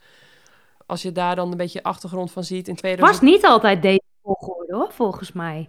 Voor mij was Eh, toen, ik weet, dit lieg ik nu hoor, dit is Oh. gewoon weer even spontaan. Maar ik dacht eerst dat het eerste jaar was 2019 Ja, en Alkmaar was de eerste die dit organiseerde, of ja, Ja, het EK. In Alkmaar. Ja. En volgens mij waren toen de vrouwen eerder weg dan de mannen, want die wachten toen die mannen op toen ze kampioen werden. Maar dat is helemaal niet, helemaal niet een feitelijk weetje, maar ik wilde het gewoon even delen. Volgens Ja. mij is, die, is dat veranderd, die startvolgorde. En dat maakt ook niet uit. Maar goed, nee, zou goed kunnen hoor. Er staat me ook wel iets van bij. Maar in het 2019... leuke zou helemaal zijn als je dat zelf mag bepalen, hè? Ja, eigenlijk wel hè. Start je, start je met de mannen of start je met de vrouwen? Maar dat wordt natuurlijk Ja, chaos. Want ja, als de dat een met de man start Dan gaan ze elkaar inhalen. en dan elkaar inhalen, moet, was leuk bedacht, niet uitvoerbaar. ja. Nou, 2019. Nederland goud met Bouwman, Mollema van Emden. Of bij de mannen. En Brand, Marcus en Pieters. Dus eh, Rianne Marcus, Lucinda Brand, Amy Pieters. Het was een sterke ploeg. We wonnen het eerste goud. 2020 werd het niet verreden. 2021, de Nee. tweede keer dat het eh, werd eh, georganiseerd in, eh, in Leuven, won eh, Duitsland met onder andere Lisa Klein en eh, Lisa Brennauer. En eh, hè, voor de vrouwen, Mieke Kreuger ook. En dan het Ja. Ne- Nederland eh, tweede, ook weer met Bouwman, Mollema van Emden. Dus dezelfde mannenploeg als in 2019. Alleen toen met Van Dijk, Van Vleuten en eh Marcus. En ehm, die vrouwenploeg, Maar de mannen van, van Duitsland waren heel goed daar. ja, ja, met Tony Martin als afscheidswedstrijd. Ja, En eh, nu Ja. dus dezelfde vrouwenploeg als in eh, 2021 in België. En een andere mannenploeg met ehm, ook Mathieu van der Poel erbij. En eh, Daan Holen en Bauke Mollema. Bouke. Ja, Ja. dus echt een hele sterke ploeg. We, we gaan denk ik ook daar een mooie strijd zien. En eh, veel sterke landen met ook weer... eh, Twee, alle twee een ronde, Veer? ehm, ja, Ik denk dat ze alle twee een ronde doen. ja. Ja, dat dacht ik. Het is, ja, dus eh, 70 kilometer en 70 kilometer. Ja, het, nou, het is, ja, het is 28,2 kilometer in totaal. Oh, Ja, 28,2 kilometer in totaal. Dus eh, dat is niet het, eh het tijdritrondje. niet het WK. Niet het rondje. nee, maar wel twee rondes. Wel twee Mhm. rondes. Maar, maar Ze doen gewoon juniorenrondjes. Ze doen gewoon Ja. niet, eh, niet die lust erbij of zo. Ja, ja. precies. Ik denk als je met drie bent, had je dat best kunnen doen. Maar goed. Dat vind ik dan Ja. wel ook wel kort. maar dat geeft alleen maar meer bochten hoor. Ja, oh ja, inderdaad. Goh, dat wordt nog Oh wat. mens, hij moet er gewoon 26 bochten met z'n drieën doen. Nou ja, ietsje minder. Ja. Oeh, dat wordt een pittige. ja. Je zou maar met Van der Poel dat moeten doen. hey. Dat is echt horror. Ja, die, eh die Bouke Mollema en, eh, en Daan Hol. Daan Hol is heel lang. Ik ben benieuwd of die een Ja? beetje, een beetje smooth eh, door de bochten kan. Eh, maar Ja, maar ja, niemand kan toch net zo goed als Van der Nee. Poel. Jemig, wat Jee. een, wat een verschrikking. ja, benieuwd. Nou ja, Wordt leuk. Ja. Ehm, 264 hoogtemeters. Dus ja, ook dat hè. eh, niet helemaal vlak. Ook niet klimmen, maar gewoon een beetje op en af. En ja, gewoon totaal geen ritme. En eh gauw, dat wordt gewoon een onrustige ploegen... oh ja, mixed relay. Een soort ploegen, mini-ploegentijdrit kun je het noemen. Dat wordt het gewoon. Het wordt onrustig. Maar ehm, ja, wat kunnen we er nog meer over zeggen, Rox? Het is... eh, ik vind het toch een beetje een beetje gek onderdeel eigenlijk. Ik vind het wel leuk. Het ja is, ik ook. het is ik ook wil er ook niet oneerbiedig over doen. Ik weet het nog niet, echt, eigenlijk. Nee, ik wil er absoluut niet oneerbiedig over doen. Alleen, ehm, ik, vind, ik vind het echt een... eh, ja, dan doe je wel oneerbiedig als ik, het, als ik de naam poppenkast eraan geef. Ja, maar dat, dat bedoel ik echt niet, want het, het is, het, is eh, een, een, super inspanning. eh, super knap ook om het gewoon goed te doen. Alleen, ik, ik voel niet... ehm, ik, ik, ik, weet je, je hoort ook aan, zo goed als ik me hierop heb ingelezen, zoveel, zo enthousiast word ik ervan. Ehm, maar ja, goed, het is er nou eenmaal. En eh, onderdeel is een onderdeel, hè. Ik bedoel, ehm, ja. Ja, er is een WK-titel te verdienen. En eh, ja. Ja. maar dat vind ik, dat vind ik niet, dat, ik vind hem niet representatief. nou, ik vond die ploegentijdrit vond ik veel mooier. Die Voor ploegentijdrit teams voor was veel representatiever. Echt waar. Ja, Ja. dat was echt. En daar is. Lucinda ook. Daar is Lucinda ook wereldkampioen Ja. mee geworden in 2017 Ja, in in Bergen. Eh, dus ze won zowel de, de ploegentijdrit eh, WK als dus de mixed relay. En ze was natuurlijk ook al wereldkampioen cross het eh, voorgaande seizoen. Dus niet afgelopen jaar, maar het jaar ervoor. Dus ehm, ik hoop zo dat gewoon die WK ploegentijdrit weer eh, terugkomt. En vroeger Ja, Reden ze dus-. Vroeger Maar- reden ze dus ploegentijdritten WK's van 100 kilometer, hè? Dat ging helemaal nergens over. 100 Ja, maar dat was wel met land. Ja, ja, met landenteams. Ja, En ja, Ja. Maar, maar je kan, weet je Vera, je en kan dat niet gaat nu niet meer. met de commerciële teams, dat kan niet meer. Dus Nee. je moet gewoon die commerciële WK's erin houden. Maar goed, Ja. Hoop ik ook. Nou ja, eh, qua landen, kijk, België die heeft denk ik nou, niet een, een team om voor de top 5 mee te doen, als je het mij vraagt. Dan heb je Quinten Hermans, Pieter Serri, Nathan van Hooijdonk, eh Valerie de Mee, Julie de Wilde, Jesse van den Bulken. Denemarken eh, met Noorskaart, Juliet, eh, Rebecca Keurner, ook niet echt als je... nou Goeie ja, dame, wel- goed, goed damesteam. Jawel, ja, en Mico Bjerg en eh Krach Andersen en Kort. Maar toch eigenlijk wel stiekem best wel een sterk Maar die team. hebben echt wel een goed team hoor. Jawel, ja. Eh, Italië heeft een heel sterk team. Met eh Cuazzini, Borghini, Longoborghini, Cecchini eh, bij de vrouwen. En dan Affini, Sobrero en Ganna bij de mannen. Ganna trouwens vandaag aangekondigd dat hij in oktober het uh, werelduurrecord eh, gaat aanvallen. be- begin Ja. oktober. Super eh, leuk eh, dat hij dat eh, dan gaat doen. Maar heel sterk team dus. Frankrijk, oude Bianique, eh, Juliette Labou, Marie Lenet. En dan nou, bij de mannen namen, nou, die noem ik niet eens op. Dus dat, dat, nee, dat wordt hem niet. Trouwens, Audrey Cordon, dat ik ook even doorgestuurd aan jou, vond ik opvallend. Geen WK eh, tijdrijden, geen WK weg en geen mixed relay. Ik weet niet wat daar de reden van is. Misschien weet jij dat. Nou, zij is, eh, ik heb haar even een berichtje gestuurd. Zij Ja. is plotseling eh, opgenomen in het ziekenhuis, want zij voelde zich Oh. helemaal niet goed. Oh, En eh, ja, best wel heftig nieuws. En nu, leek het, eh, nu, nu blijkt het een, eh, een, een lichte hersenbloeding te zijn geweest. jeetje, meen je? Dat wist ik niet. Ja, dus, ehm, dus dat is best wel pittig nieuws. Want eh, Ja. ik, ik las het ook en ze maakte het ook zelf bekend Oh. op, haar, eh, op haar social. Dat ze, dat ze niet reed. Nee. En toen heb ik, dacht ik van, goh, om wat voor reden, wat voor reden kan er nou zijn dat, dat zij met de vorm van de afgelopen weken zeg maar niet gaat rijden? Ja. Ehm, dus toen gaf ze aan dat ze, dat ze opgenomen was in het, ziek, in het ziekenhuis, zich totaal niet fit voelde. En dat ze, dat, nou ja, toen, ze stuurde me denk ik echt net een half uur geleden Oh, eh, de uitslag. En eh, eh, het is nu wel onder controle, maar dat is natuurlijk wel heftig nieuws. Jeetje. Ja, Goh. Nou, dat, het is zo'n jonge, Ja. gezonde meid.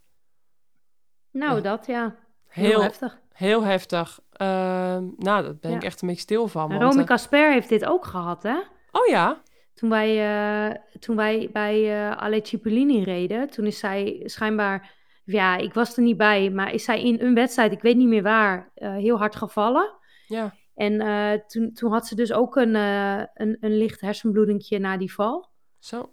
En eh, ja, dan moest zij toen, ja, be- best wel even lang erdoor uit geweest. Maar dat is het gekke toch, want nu koers ze gewoon natuurlijk weer. Ja, ja. Ehm, ik kan me niet herinneren dat Cordon eh, heel zwaar gevallen was in de Ladies Tour of zo. Maar ze won in ieder geval de tijdrit. Nee, nee, en- nee. Ze, ze- zij was juist degene die eigenlijk door- heel goed door die ladies toe kwam. Nog de tijdrit won. Ja, Heel verrassend eigenlijk. ja, En ehm, echt wel heel verrassend. Want ja, ik dacht, eigenlijk is dat natuurlijk gewoon... Marcus. eh, was dat een, een, een kolfje naar Marcus eh, zijn Ja, hand. ja. En toch Cordon won. Ja, en, ik en, ze werd, Marcus ook veel hoger zitten op de tijdrit. en ze werd tweede in het eindklassement. Ehm, Cordon werd tweede ja. in het eindklassement. Dus, nou eh, ja, en dan nu eh, hoor je dit. Dat is echt, eh, het leven is soms zo raar. Tja, nou, ehm, ze hoort ons niet, maar ja, we kennen er natuurlijk allebei. Dus hopelijk komt het snel weer goed met haar. Dus dat was in ieder geval ja. ja, wat mij dus opviel. Nou, dan weten we nu meteen de reden. Ehm hè, er doet ook een land mee dat heet Nieuw-Caledonië.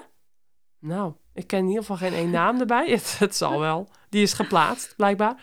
Ehm, nou, Spanje, ook niet een, echt een heel sterk team. Eh, Tahiti doet mee. Tahiti? Nou, het zal wel. Ik, ehm, nou, dat zijn de landen die ik hier op de voorlopige deelnemerslijst eh, zie staan. Ik, eh, ik, ik snap het niet helemaal. Waar zijn die andere landen?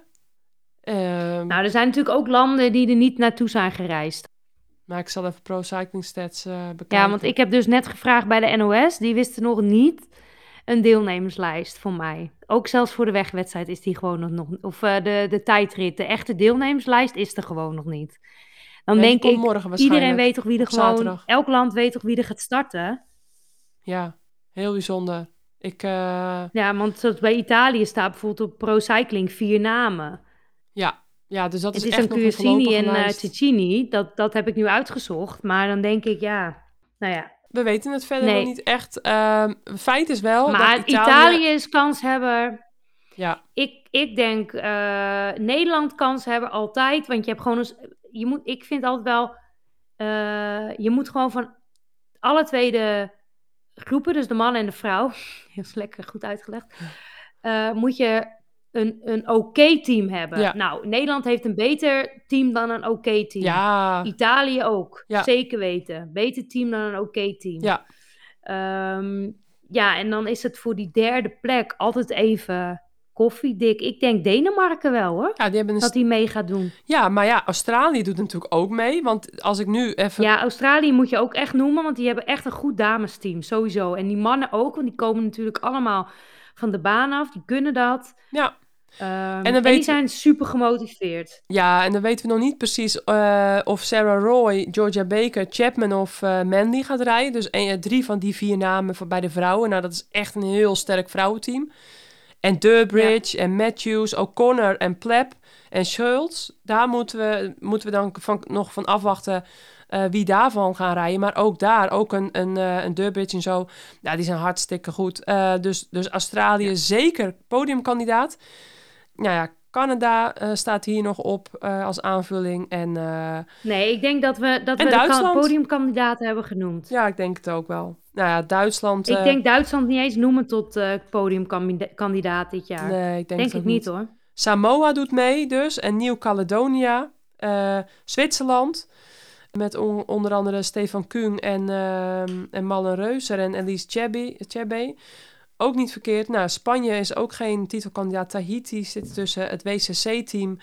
Oekraïne en de United States heeft ook een sterk team. Met onder andere bij de vrouwen Kristen Faulkner en, eh en Lia Thomas. Nou, dus ik denk dat we de kandidaten genoemd hebben.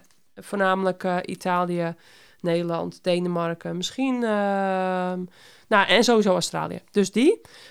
Dan gaan we door eh, naar de wegwedstrijd. Nou, wat, wat valt daarop? Ehm geen eh Wiebes en... ehm, en verder gewoon een, echt wel wederom een heel sterk Nederlands blok. Weet je wat ik wel eh, grappig... Nou, grappig. Het is best een, een oud Nederlands team. Dus je hebt dan Annemiek van Vleuten die 8 oktober 40 wordt. Marianne Vos die 35 is. Ellen van Dijk die 35 is. En dan eh Floortje is 26. En Demi 25. En Rianne 28. Dus je hebt dan drie dertigers. En drie twintigers. En Shirin van Androoy met 20. Dus die, eh, ja, die springt er wel echt uit. Dus Shirin is 20. Annemiek van de Vleuten is 40. Dus er zit 20 jaar tussen. Vind ik wel gewoon een grappig feitje. Nou ja, tenminste, ze wordt 8 oktober 40. Laten we ervan uitgaan dat ze dat haalt. Ja, en Dus- daartussen dus... Dus, Dus, eh, eigenlijk, toen Serien geboren werd, was Annemiek haar leeftijd. Ja, 2002.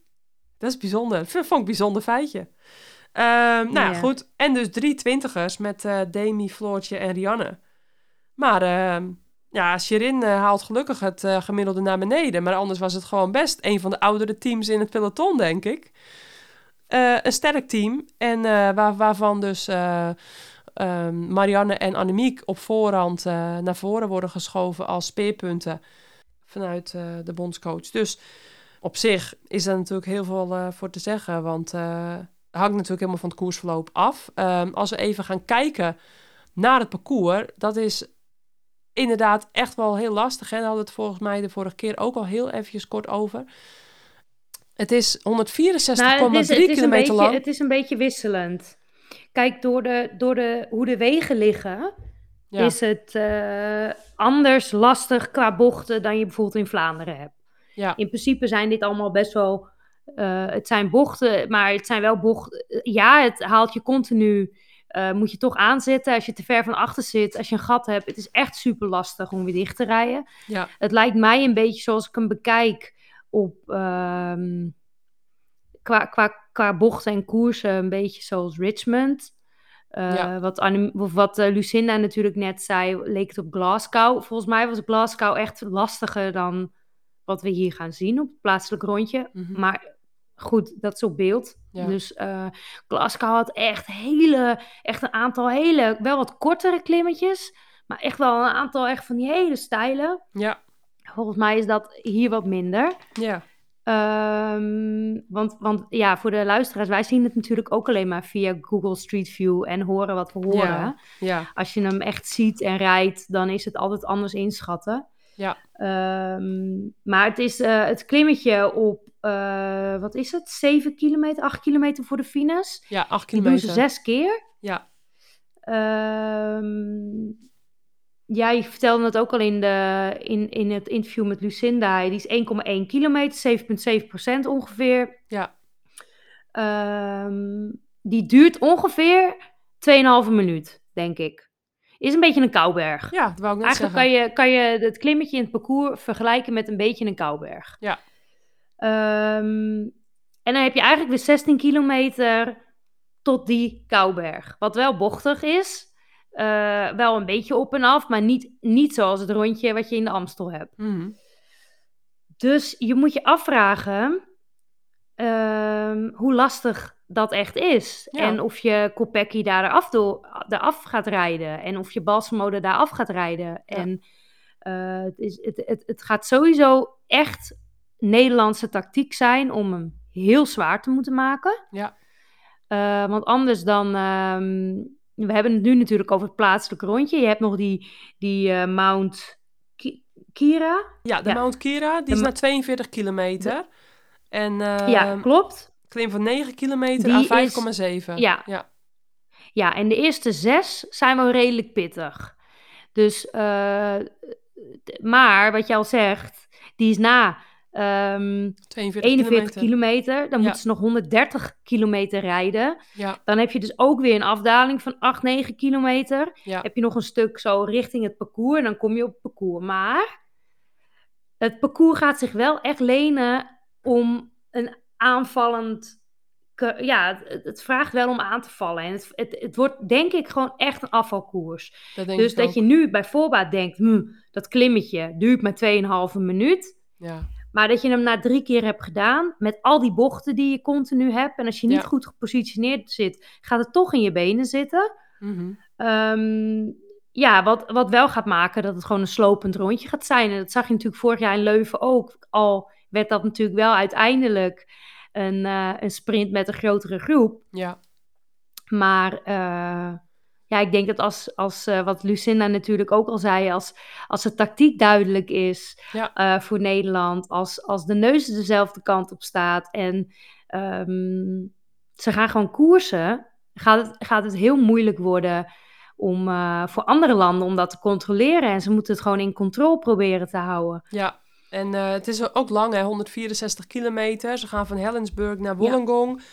Ik denk, ehm, het is heel interessant dat dus dat laatste klimmetje van 1,1 kilometer op 8 kilometer van de finish ligt. En dan biedt dat dus gewoon altijd nog kansen voor.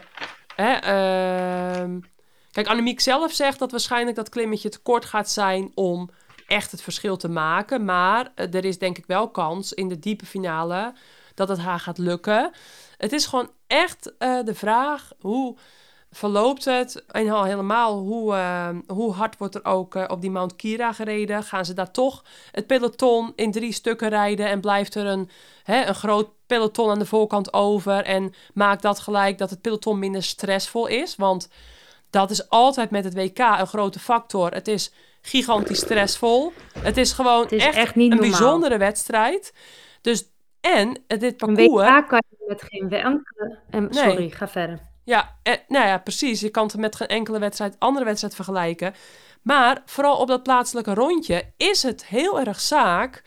Eh, daar heb je rensters die, denk ik, ehm, naar voren gaan komen. Die goed zijn in positioneren. Die makkelijk van voren kunnen handhaven. Die niet achter de valpartijen zitten en achter de feiten aan hoeven te rijden. Die van voren kunnen rijden en ook daar de kracht en de handigheid in hebben. Zodat ze niet extra energie verspillen om achteraan het peloton steeds in dat harmonica-effect te zitten. Door die vele bochten. Dus zo'n type renster ja, gaat uiteindelijk overblijven in de finale. En dan is dus de vraag... wie eh, kan zijn karretje aanhaken als het eh, volle bak eh, omhoog knallen wordt. Dus ja, ik denk eh, best wel een heel Ja, en eh vergeet niet.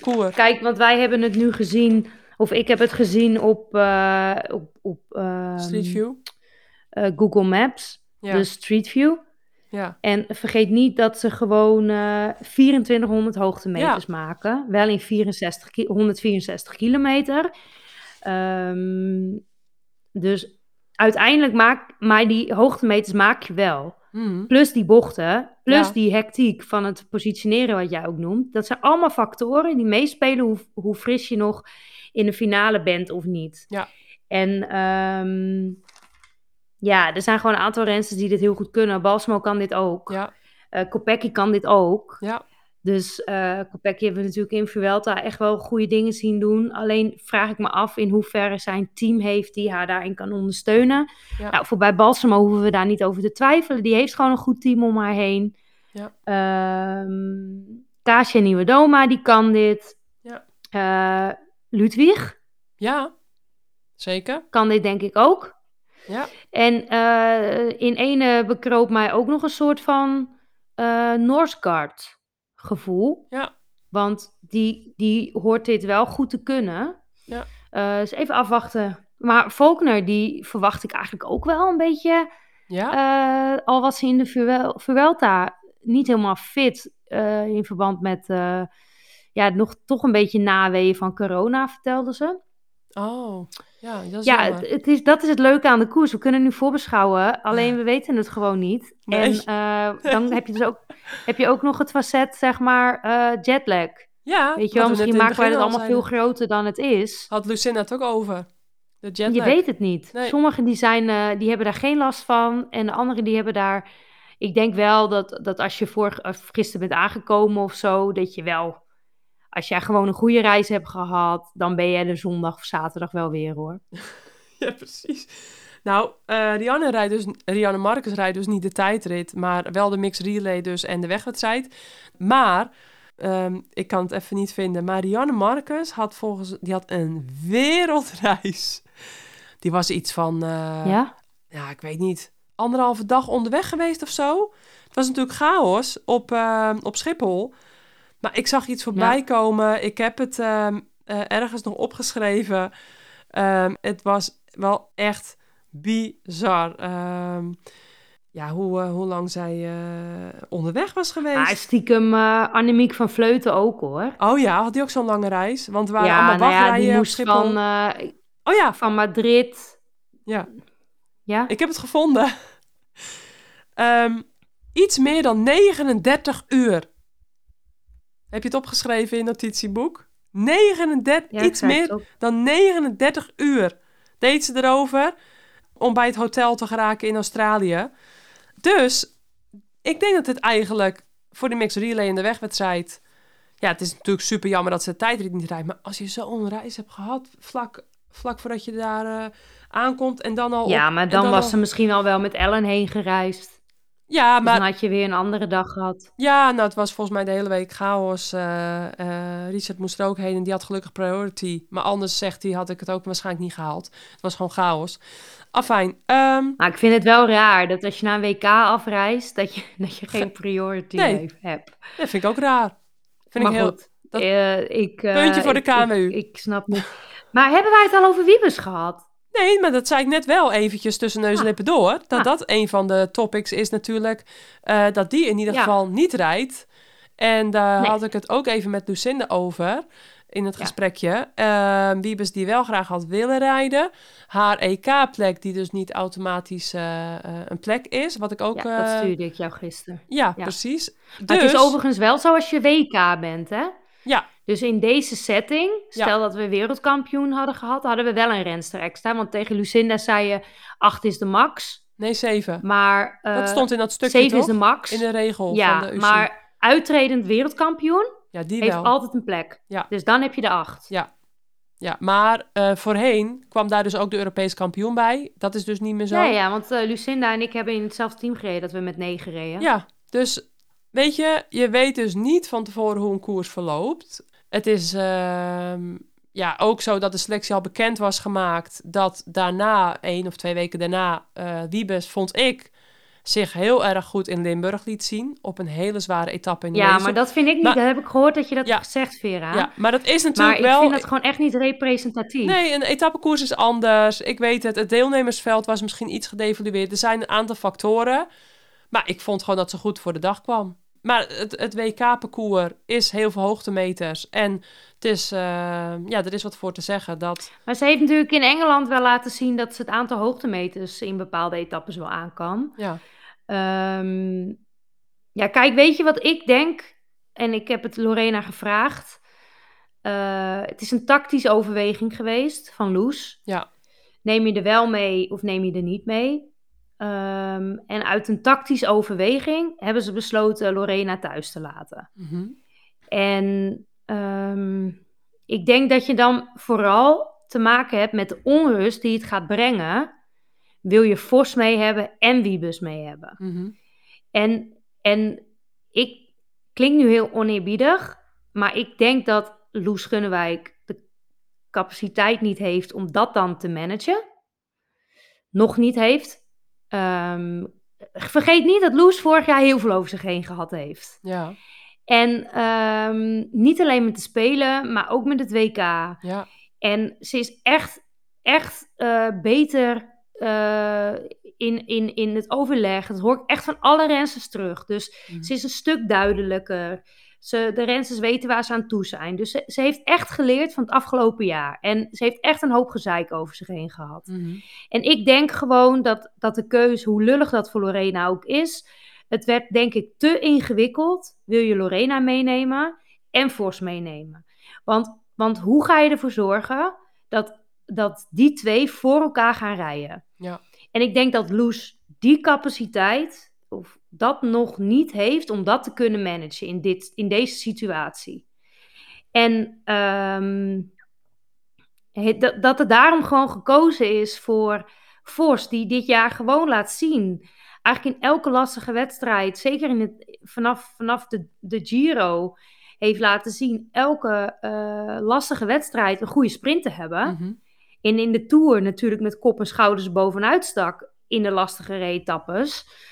Ehm, maar ja, waar, waar Wiebes natuurlijk ook wel heeft laten zien dat ze goed kon sprinten. Maar er waren Ja. wel andere etappes waar ze, waar ze dat in liet zien. Ja.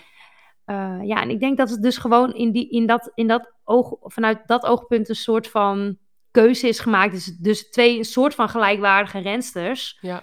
eh, op Vos. En eh, was Wiebes teleurgesteld? om, om zeg maar, wat, wat Brand ook zegt, Ja. die duidelijkheid, strakke lijn.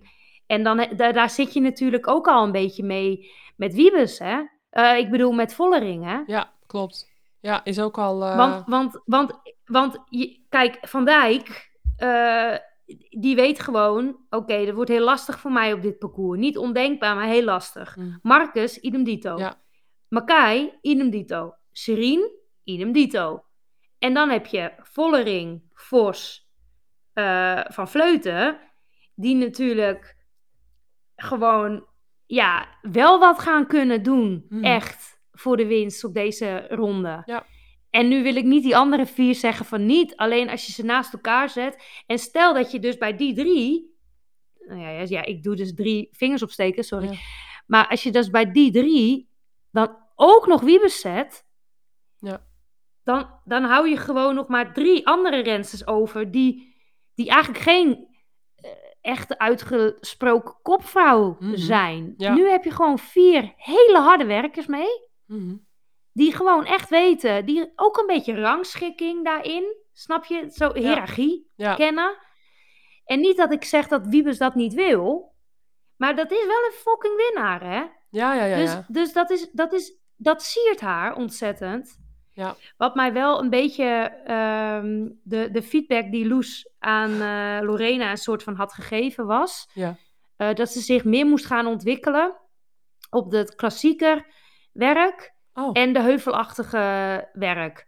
ja. En toen dacht ik echt weer, wat fuck hé?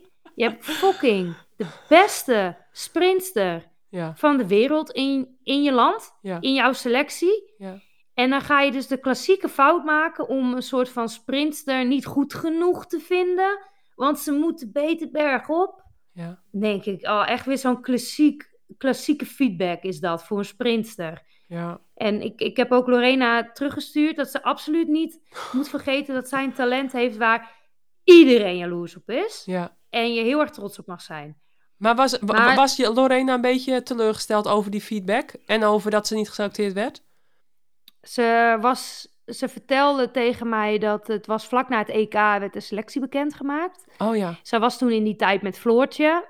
Uh, Floortje mocht wel, Lorena niet. Dus dat is altijd een beetje ingewikkeld natuurlijk. Ja. Um, maar ik begreep meer uit haar opmerking, hoe ze het zei, dat ze juist heel erg gebrand is om, uh, om, om gewoon te laten zien dat ze Ja. daar wel eigenlijk thuis hoort. Maar natuurlijk is zij teleurgesteld. En, Ja. en dat, dat, dat hoort ook. Ja, nee, en, me- maar ehm, misschien met een hele ja. goede uitleg of met een heel, eh, ik weet ik het, eh, motiverende feedback, whatever, dat, dat ze het misschien kon plaatsen. Ik kan me heel, heel goed voorstellen dat ze mega teleurgesteld is. En, ja, wat, ehm, voor, wat, voor, wat voor seizoen moet je rijden? Ja. Wil, je het- wil je uiteindelijk in AWK, weet je in ieder ander land had ze gereden. goed, ik, ja, maar ik snap wel dat niet ieder ander land het luxe probleem heeft wat wij hebben Ja, als zeker, Nederland. En ik snap echt wel heel goed dat Loes eh, heeft willen leren van haar fouten. En dat betekent dan gewoon eenmaal dat je mm, een beetje risico inventariseert. Mhm. En ja, wat, wat, wat, dit, dit is wel het, het duidelijkst. Ja, En dan heb je eigenlijk alleen nog misschien straks eh, Wiebes, of, of ik bedoel Vollering te managen, of, of die driehoek Ja, te ja, ja, ja. managen. ja, ja. Ja, lastige Ja, kwestie. we gaan het allemaal zien man, volgende week. Goh, puntje van je stoel. Allemaal kijken midden in de nacht. Ja, want midden in de nacht om 2 uur 55 gaan ze van start. Hoe laat is jullie uitzending? Helemaal live. Ik heb hem net voor mij, eh, ik heb hem nog openstaan. Dus vanaf 5 voor 3. Eh, zondag, zaterdag. Oh nee. Eh, tien voor half vijf. Oh, 10 voor alle 5 gaan jullie live. Tot tien uur staat hier. Maar ehm, Oké, nou ja, ja, eh, wat ik heb gezien eh, reizen van... zeg maar kwart over vier beginnen we. ja, precies. Ehm, en de juniorvrouwen, die worden ook uitgezonden op Eurosport. Die rijden van 12, tot, van 12 uur s'nachts tot 10 over 2 s'nachts. Op Eurosport doe ik dan het commen- commentaar, ook weer met Tim de Vries. En dan rijden Nienke Vinken, Anne van der Meijden, Rosita Rijenhout, eh, Babette van der Wolf en Mere Knaven. Sterke eh, ploeg ook weer. En Nienke Vinken en Anne van der Meijden, die rijden dus ook de tijdrit. En eh, ook, dus die rijden ook beide, de wegwedstrijd en de tijdrit. Ehm, vijf meiden, voorheen waren dat er altijd vier. maar- Alleen de rondjes doen zij. ja, ja, die rijden ehm 67,2 kilometer. En dat vind ik dus ook, hè. Dan rij je nu dus als belofte het WK Elite. Hè, rij je dus een kampioenschap in een kampioenschap. 164 kilometer. Terwijl de junior vrouwen 67 kilometer. Oh, fijn. Nou hebben we het Ja, net al uitgebreid je, Vera, besproken. volgend jaar moeten ze, moeten ze ook gewoon 150. Dat, dat juniorenniveau moeten ze openbreken. Dus Ja. dat niet juniorenkilometers moeten ze openbreken. Ja, nee, maar daarom En- is het ook en goed. Ik bedoel, ze- als er volgend jaar een, een belofte WK komt. Met gewoon iets ertussenin. Doe dan volgend jaar gewoon een belofte. stond er nog niet op. Nee, Jij had iets geretweet. Ja, was, iets, was heel onduidelijk. Er was een bericht uitgezonden van, het, eh, van die Super WK met ook het schema. Glasgow. eh, Glasgow, ja. En ja, heel onduidelijk gewoon wat ze met de beloftecategorie gaan doen. Dat, is, eh, dat komt hopelijk snel wel, want ik denk dat mensen dat wel een keer willen weten. Dus ik zou gewoon pleiten voor, doe gewoon 120, 130 kilometer of ja, 120 kilometer voor belofte vrouwen, punt. Nou, oké. Dan hebben we dus de, nou, wat we net eh, in het begin zeiden, de courage weetjes van eh, een aantal rensters waarvan, denk ik, waarvan we wel echt heel veel strijdlust kunnen gaan zien. Het is natuurlijk, eh, we hebben een hele lijst met favorieten, maar op zo'n parcours kan er ook maar gewoon iemand winnen uit een eh, vlucht. Die kans acht ik ook best wel groot. Dan heb je ehm, voor Australië bijvoorbeeld een Brody Chapman. Die is 31 van de FTC. Eh, rijdt echt een supergoed jaar. Was in de voorjaarsklassiekers eh, vaak ook meesterknecht in aanval en finales. Maar ook heel sterk in grote rondes. Bijvoorbeeld in de Giro, in de bergetappes. Ook met Cavalli samen. Volgens mij gaat die naar Trek komend seizoen. Ja, ga naar trek. En wat ze dus eh, leuk vindt om af en toe iets geks te doen. Bijvoorbeeld eh, een sprong in een fontein na afloop van de laatste Vuelta-rit. En eh, het was natuurlijk ook hartstikke warm daar. Altijd wel heel veel... Ja, heel ze heeft ook de neiging om, om altijd naast haar winnende teamgenoten te gaan staan schreeuwen, voor beeld. Oh ja, dat ja. Ja, ze is echt een... eh, zo gek als een deur. Straalt eh, best Ja, wel... zo komt ze in ieder geval wel over. Wel leuk, gek, Ja, ja. maar wel eh, aanwezig. Ja, straalt best wel veel, ja, wel aanwezig, maar wel heel veel vrolijkheid vaak van haar in beeld. En ze, ze studeerde psychologie aan de universiteit en behaalde haar bachelor, dus dat is wel heel knap. Ehm, en ook uit Australië, echt een outsider. Ook eh 30, 30 jaar oud, dus eh een jaartje jonger dan Chapman. Dat is dus Grace Brown, die ook, naar mijn idee, ook wel echt kans maakt om het ja, podium te halen. Eh, behaalde meerdere universitaire diploma's in de internationale politiek. Vind ah, dat wist ik niet. Had een opmerkelijk succesvolle carrière als consultant voor haar pro-wielrenners bestaan. En fantastische palmares tot dusver. Met als hoogtepunt dat ze dus eh, in augustus de individuele tijdrit won op de geen, eh, geen beste. Nou ja, de Commonwealth Games. De geen best spelen. In Birmingham. Ehm, ook heel knap dat ze dus in de Vuelta eh etappe-overwinning pakte. eh, uit een sprint à deux. En ja, ze zit, wat we de vorige keer bespraken, dat zij dus ook wat beukend op de fiets zit. Maar ja, ook naast de fiets eigenlijk weer heel vrouwelijk eruit ziet. Dat eh, hadden we dus vorige keer eh, uitgebreid besproken. Dat het soms bij rensters heel, eh, ja, heel, heel veel contrast kan geven. En dat ze ook jarenlang de luitenant van Annemiek van Vleuten was bij uh, Mitchelton Scott. Maar goed, nu dus wat vaker ook. En vergeet niet dat ze eigenlijk toen, toen Lissy Dijknen Luik won, Ja, op, op Annemiek aan het wachten was. ja, En Dijknen al echt iets van een minuut voorsprong had. En toen mocht het toch uiteindelijk gaan. ja, Dat was de corona-luik, Bastenaken-luik. En toen kwam ze echt op 10 seconden. ja, dat ja. Dat was echt een bizarre echt achtervolging. Geweldige renster. Ja, En vorig jaar was eigenlijk abrupt eh, haar seizoen eigenlijk ten einde. ja, Ze werd nog vierde op de tijdrit van de Spelen. Eh Reda echt wel zo'n teleurstellende wegrit, vond ik, voor, voor wat je had verwacht. ja, Maar zij had in een val daarvoor ehm, eh, een, een schouderblessure opgelopen. ja, En die leek dus, die, die bleek eh, lastig, of ja, ernstiger te zijn dan ze hadden, dan ze vermoeden. Dus die moest eigenlijk na de Spelen, is zij meteen geopereerd en is ze gaan revalideren. Gelukkig is dat nu allemaal weer goed. ja, En eh, moet ze altijd wel een beetje haar kans afwachten. Eh, of het lukt, zeg maar, Ja. of ook niet. ja, Maar dat, dat is wel weer echt dat courage wat je natuurlijk, eh, ja, eh, ja, wa- wa- wat, je, wat we benoemen. Ja. renster is het. En gewoon, ze is sowieso in orde, hè. Want in de Vuelta reed ze echt heel goed. Ja, dus echt heel benieuwd wat zij gaat doen en wat ze met Australië gaan doen. Eh, in Frankrijk heb je ook wel een hele leuke renster, vind ik, in het team. Dat is Gladys Verhulst van de Col Wahoo. Nog maar 25 jaar. Eh, die werd natuurlijk geroemd om haar lange aanval op de Champs-Élysées in de eerste etappe van de Tour eh, in Parijs. En nou, die ontving ook de eerste prijs voor de strijdlust ooit in de Tour de France Femme. Dus nou, dat was wel voor haar een hele, ja, voor haar echt een bijzondere prijs, denk ik ook, in haar carrière. En ehm, haar eh, aanvalslust werd beloond met een transfer naar eh, FDG ook. Dus dat is ook wel, denk ik, een mooie stap voor haar. Ze kende een moeilijke start van het seizoen. Heel veel eh, DNF's. ehm, niet gefinist, maar sinds haar tweede plaats op het Frans kampioenschap... ja, rijdt ze zich eigenlijk bijna iedere koers wel in de kijker.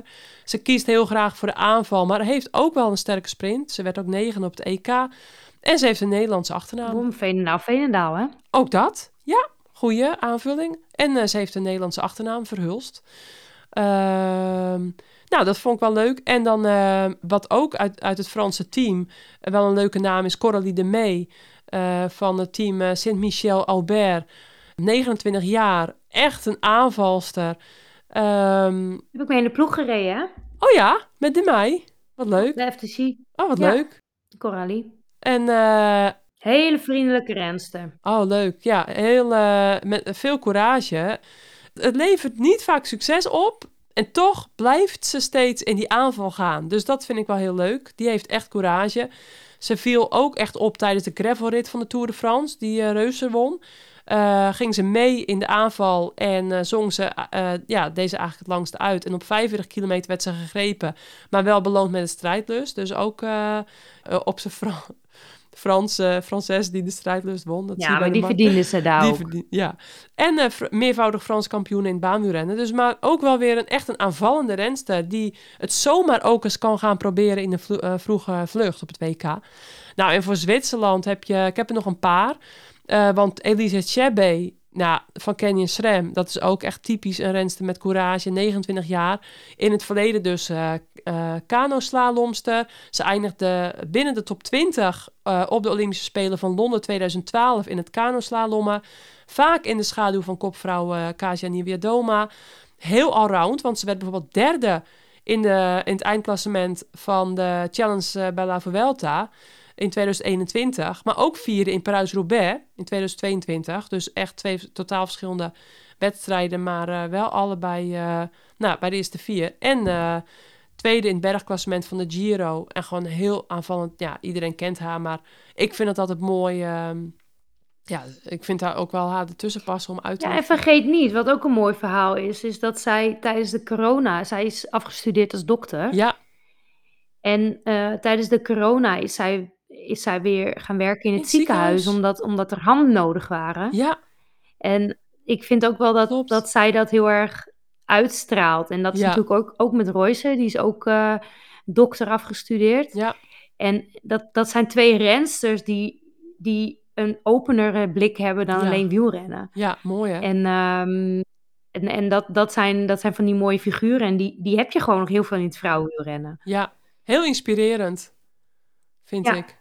En uh, ja, dus die vond ik ook wel leuk om even uit te lichten. Een goede aanvulling ook van jou. Voor België heb je nog Julie van de Velde. Of zeg je Julie of Julie? Nou ja, uh, Julie van de Velde. Van Plantepura, 29 jaar. En heel veel mensen verwarren haar met het jonge supertalent uh, Julie de Wilde. Uh, die eveneens... Ja, ik wou net zeggen. ja. Eveneens voor Plantepura rijdend. Um, en won afgelopen week de UCI 1.2 wedstrijd Grisette Grand Prix de Wallonie. Uh, mooie wedstrijd in Wallonië, knappe overwinning. En uh, ze deed atletiek tot haar 24ste. Uh, eh, begon haar wielercarrière bij Lotto Soudal Ladies. Vorig jaar reed ze een jaartje voor Jumbo-Visma. Maar maakte sinds, nou, na Jumbo-Visma sinds dit seizoen de overstap naar Plantupura hele sterke progressie gemaakt. En uh, bergkoningin van de internationale Lotto Thuringen Ladies Tour. Um, ze werd zeven op het EK tijdrijden. Vond ik ook heel erg opvallen. En in de ontsnapping dus uh, kan ze ook wel echt ver komen. Uh, denk ik. Ma als mag ik even klappen? Ja? ja? Nu raak ik dus in de war. Die oh. Jullie de Wilde heeft toch Wallonie gewonnen? Wacht even. Over, hebben we het nou over de wilde? Want die jonge Griet heeft Wallonie gewonnen. Uh, ja. ja. ja. precies. Nee, dat klopt. Um, Julie uh, de Wilde, die won. Maar we hebben het toch over de zei, andere? Ja, nee, maar ik, ik zei... Want we hebben het over Julie van der Velde. Niet te verwarren met het jonge supertalent Julie de Wilde. Die afgelopen week de Grand Prix uh, de Wallonie won. Snap je? Sorry. Ja, nu dus je jullie... het nog een keer zegt, nu raak ik in de war. Oké, sorry. Ja, ja dus... wat ik zei, niet te verwarren met het jonge supertalent jullie de wilde. Nee, dus ik denk, nog in de war? wie wint... Die, ja, die jongen die wint toch, Wallonie? Ja, dat klopt. Ja. Maar, uh, maar daar verwarren heel veel mensen Julie van der Velde mee. Ja. Met jullie de wilde. Omdat ze allebei ook in hetzelfde team rijden. Ja. Maar die inderdaad dus, voor de duidelijkheid, jullie de wilde won, uh, ja... Maar um, ook uh, bergop is jullie van der Velde wel heel sterk. Dus ik denk ook op dit WK-parcours kan die best ver komen voor België. Want ze werd um, uh, in de Tour of Scandinavia derde in de Koninginnenrit. En uh, werd ze zesde in het algemeen klassement. Um, ja, dat, is, dat zijn wel een van haar opmerkelijkste prestaties op wereldtoerniveau. Ik denk dat als zij nog een beetje kan groeien en kansen krijgt... dat zij voor België in ieder geval een van de... kan uitgroeien tot een hele ja, uh, sterke Belgische uh, renster. Uh, ook voor de wereldkampioenschappen. denk dat ze nu niet mee gaat doen voor de, zo, zomaar voor een top 10. Maar wel dat ze echt uh, hele knappe wedstrijd kan rijden.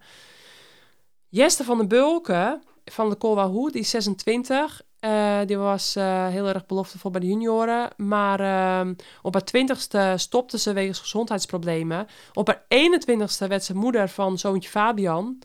Um, vernoemd naar Fabian Cancellara. En op het 22e in 2018 maakte ze toen een comeback. Uh, veroverde ze zelfs geheel onverwacht ook de Belgische titel op de weg. Via een sprint. En ehm, nu maakt ze de overstap naar de Colwa Dus ook wel leuk. En uh, dus Jesse van der Bulken, ook bijzonder als, uh, als moeder. En uh, nu ook weer naar het WK. Ehm, Lizzie Dijnen, die normaal hè, ook oud-wereldkampioen in 2015, die op het punt staat te bevallen. volgens mij uit mijn hoofd binnen nu en een week ongeveer. Want haar, haar, um, haar kindje is uitgerekend op dezelfde dag als dochtertje Orla. Dus dat is wel spannend. En ja, in Nederland hebben we natuurlijk een en al courage zitten. Kijk, Annemiek, die won op het eh, WK in Yorkshire na 105 kilometer solo. Die was na 45 kilometer al weggereden.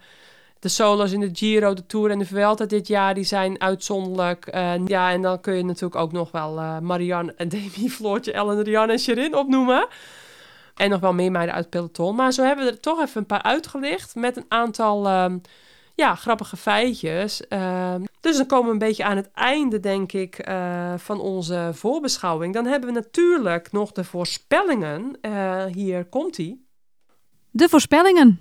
Ehm, ik heb Lucinda ook nog even gevraagd. Uh, dat is niet in ons telefoongesprek te horen, maar zij heeft nog wel haar uitleg gegeven bij de tijdrit, de mixed relay en de wegwedstrijd wat zij uh, denkt wat er gaat gebeuren. Uh, ik ga proberen om die uh, berichtjes nog even erin te monteren via de telefoon. Ja, nou eerst maar eens even over de tijdrit, want die uh, gaat natuurlijk als eerste plaatsvinden.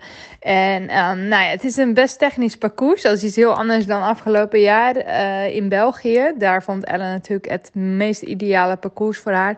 Lekker hup in die positie en naar rammen. Um, dat gaat denk ik dus dit jaar iets anders zijn. Je gaat best wel heel wat bochten tegenkomen, waardoor je continu even uit je ritme bent. Ik weet niet uh, natuurlijk of je misschien wel gewoon in je positie kan blijven. En dat zou natuurlijk altijd lekker zijn.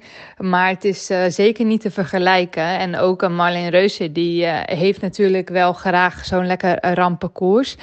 Um, ja, en Annemiek die heeft natuurlijk laten zien dat ze gewoon hartstikke goed is. Ik weet niet of het echt zwaar genoeg voor haar is, zeg maar, een verschil te maken. Um, want ja, ze neemt het niet uh, natuurlijk wel gewoon op tegen uh, echt uh, andere wereldtoppers op de tijdrit. Ik denk dat vooral mijn, mijn uh, hoop is, uh, of nou ja, het is altijd gewoon heel leuk als er ook een verrassende andere naam is. En uh, ik denk dat Grace Brown wel eens ja, hoge ogen zou kunnen gooien. Wie weet zelfs tot een verrassend podiumkandidaat. Uh, ze heeft natuurlijk gewoon al heel vaak laten zien uh, dat ze heel goed in finales alleen kan rijden en de peloton vooruit kan blijven. Dus wat dat betreft is het misschien dan ook weer niet zo verrassend. En ten opzichte van misschien een Kirsten Volkner of Anna Kiesenhover, uh, schat ik haar technisch gewoon een stuk beter in. En uh, dat ga je toch op dit parcours nodig hebben. Dat gaat op dit parcours echt wel toch uiteindelijk een verschil maken. Maar ze noemde dus niet expliciete naam. Maar die wil ik van jou wel graag horen, Rox. Wie gaat de tijdrit winnen? Ik denk van Fleuten. Ja, mooi. Um, en jij?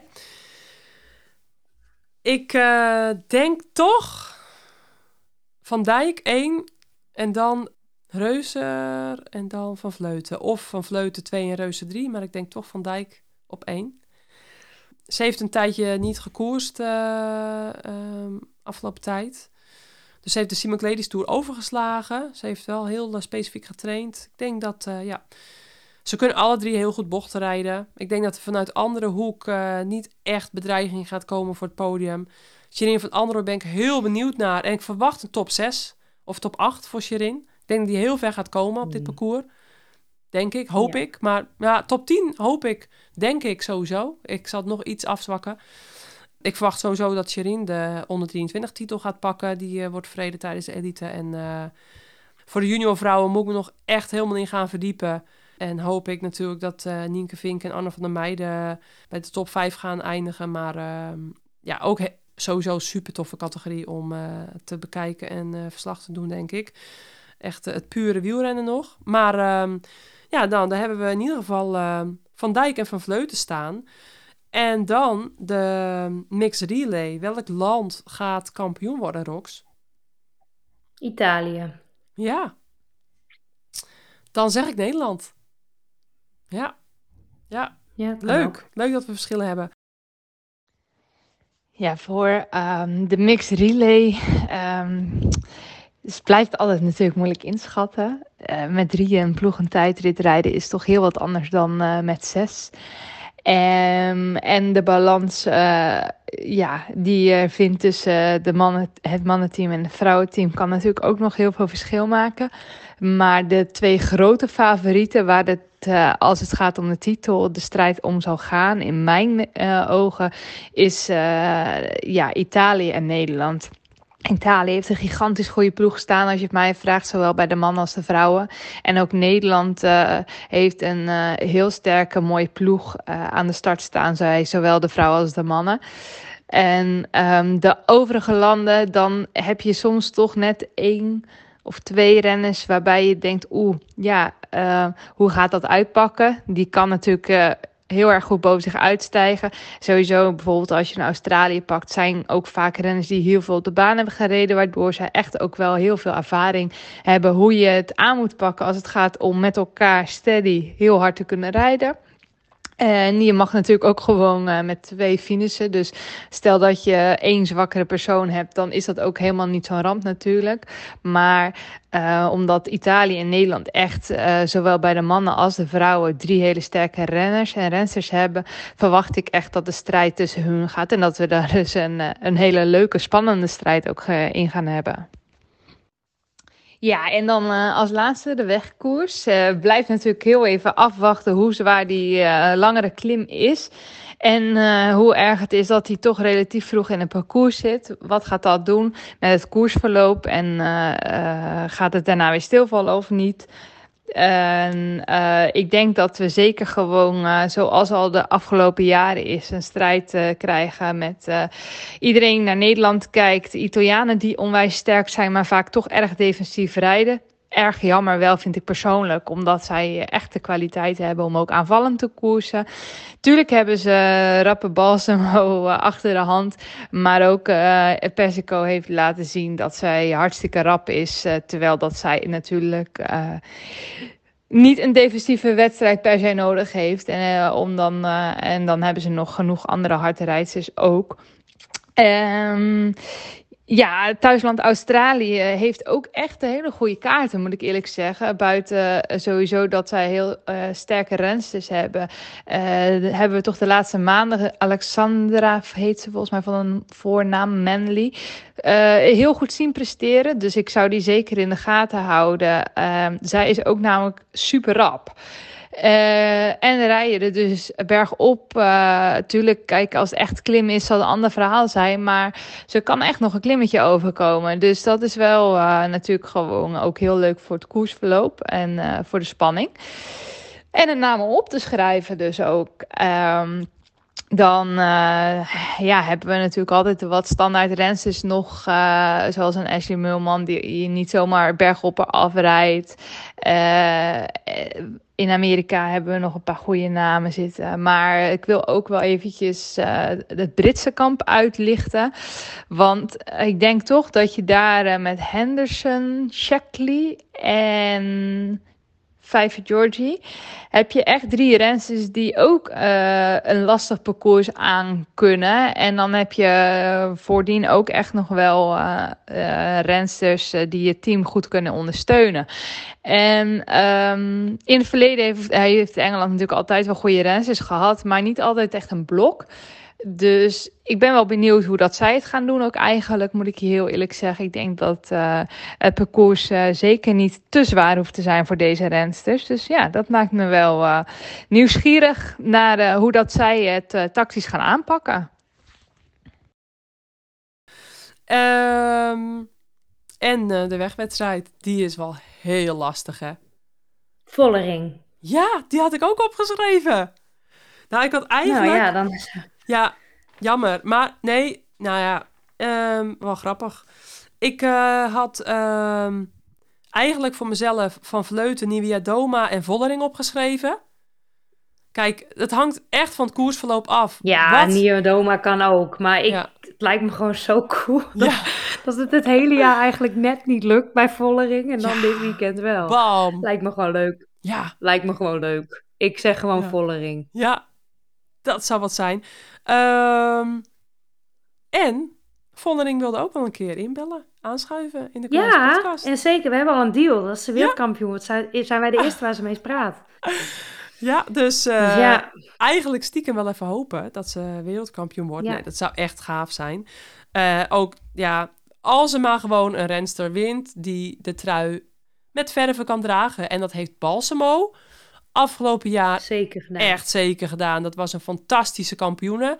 Ik denk dat het net iets te lastig voor haar gaat worden. En dat je eerder Longo Borghini van voren in de diepe finale... Uh, dat die overblijft. Als een, nou, misschien met nog wel een paar Italiaanse, maar in ieder geval Longo Borghini, die in supervorm uh, steekt ook.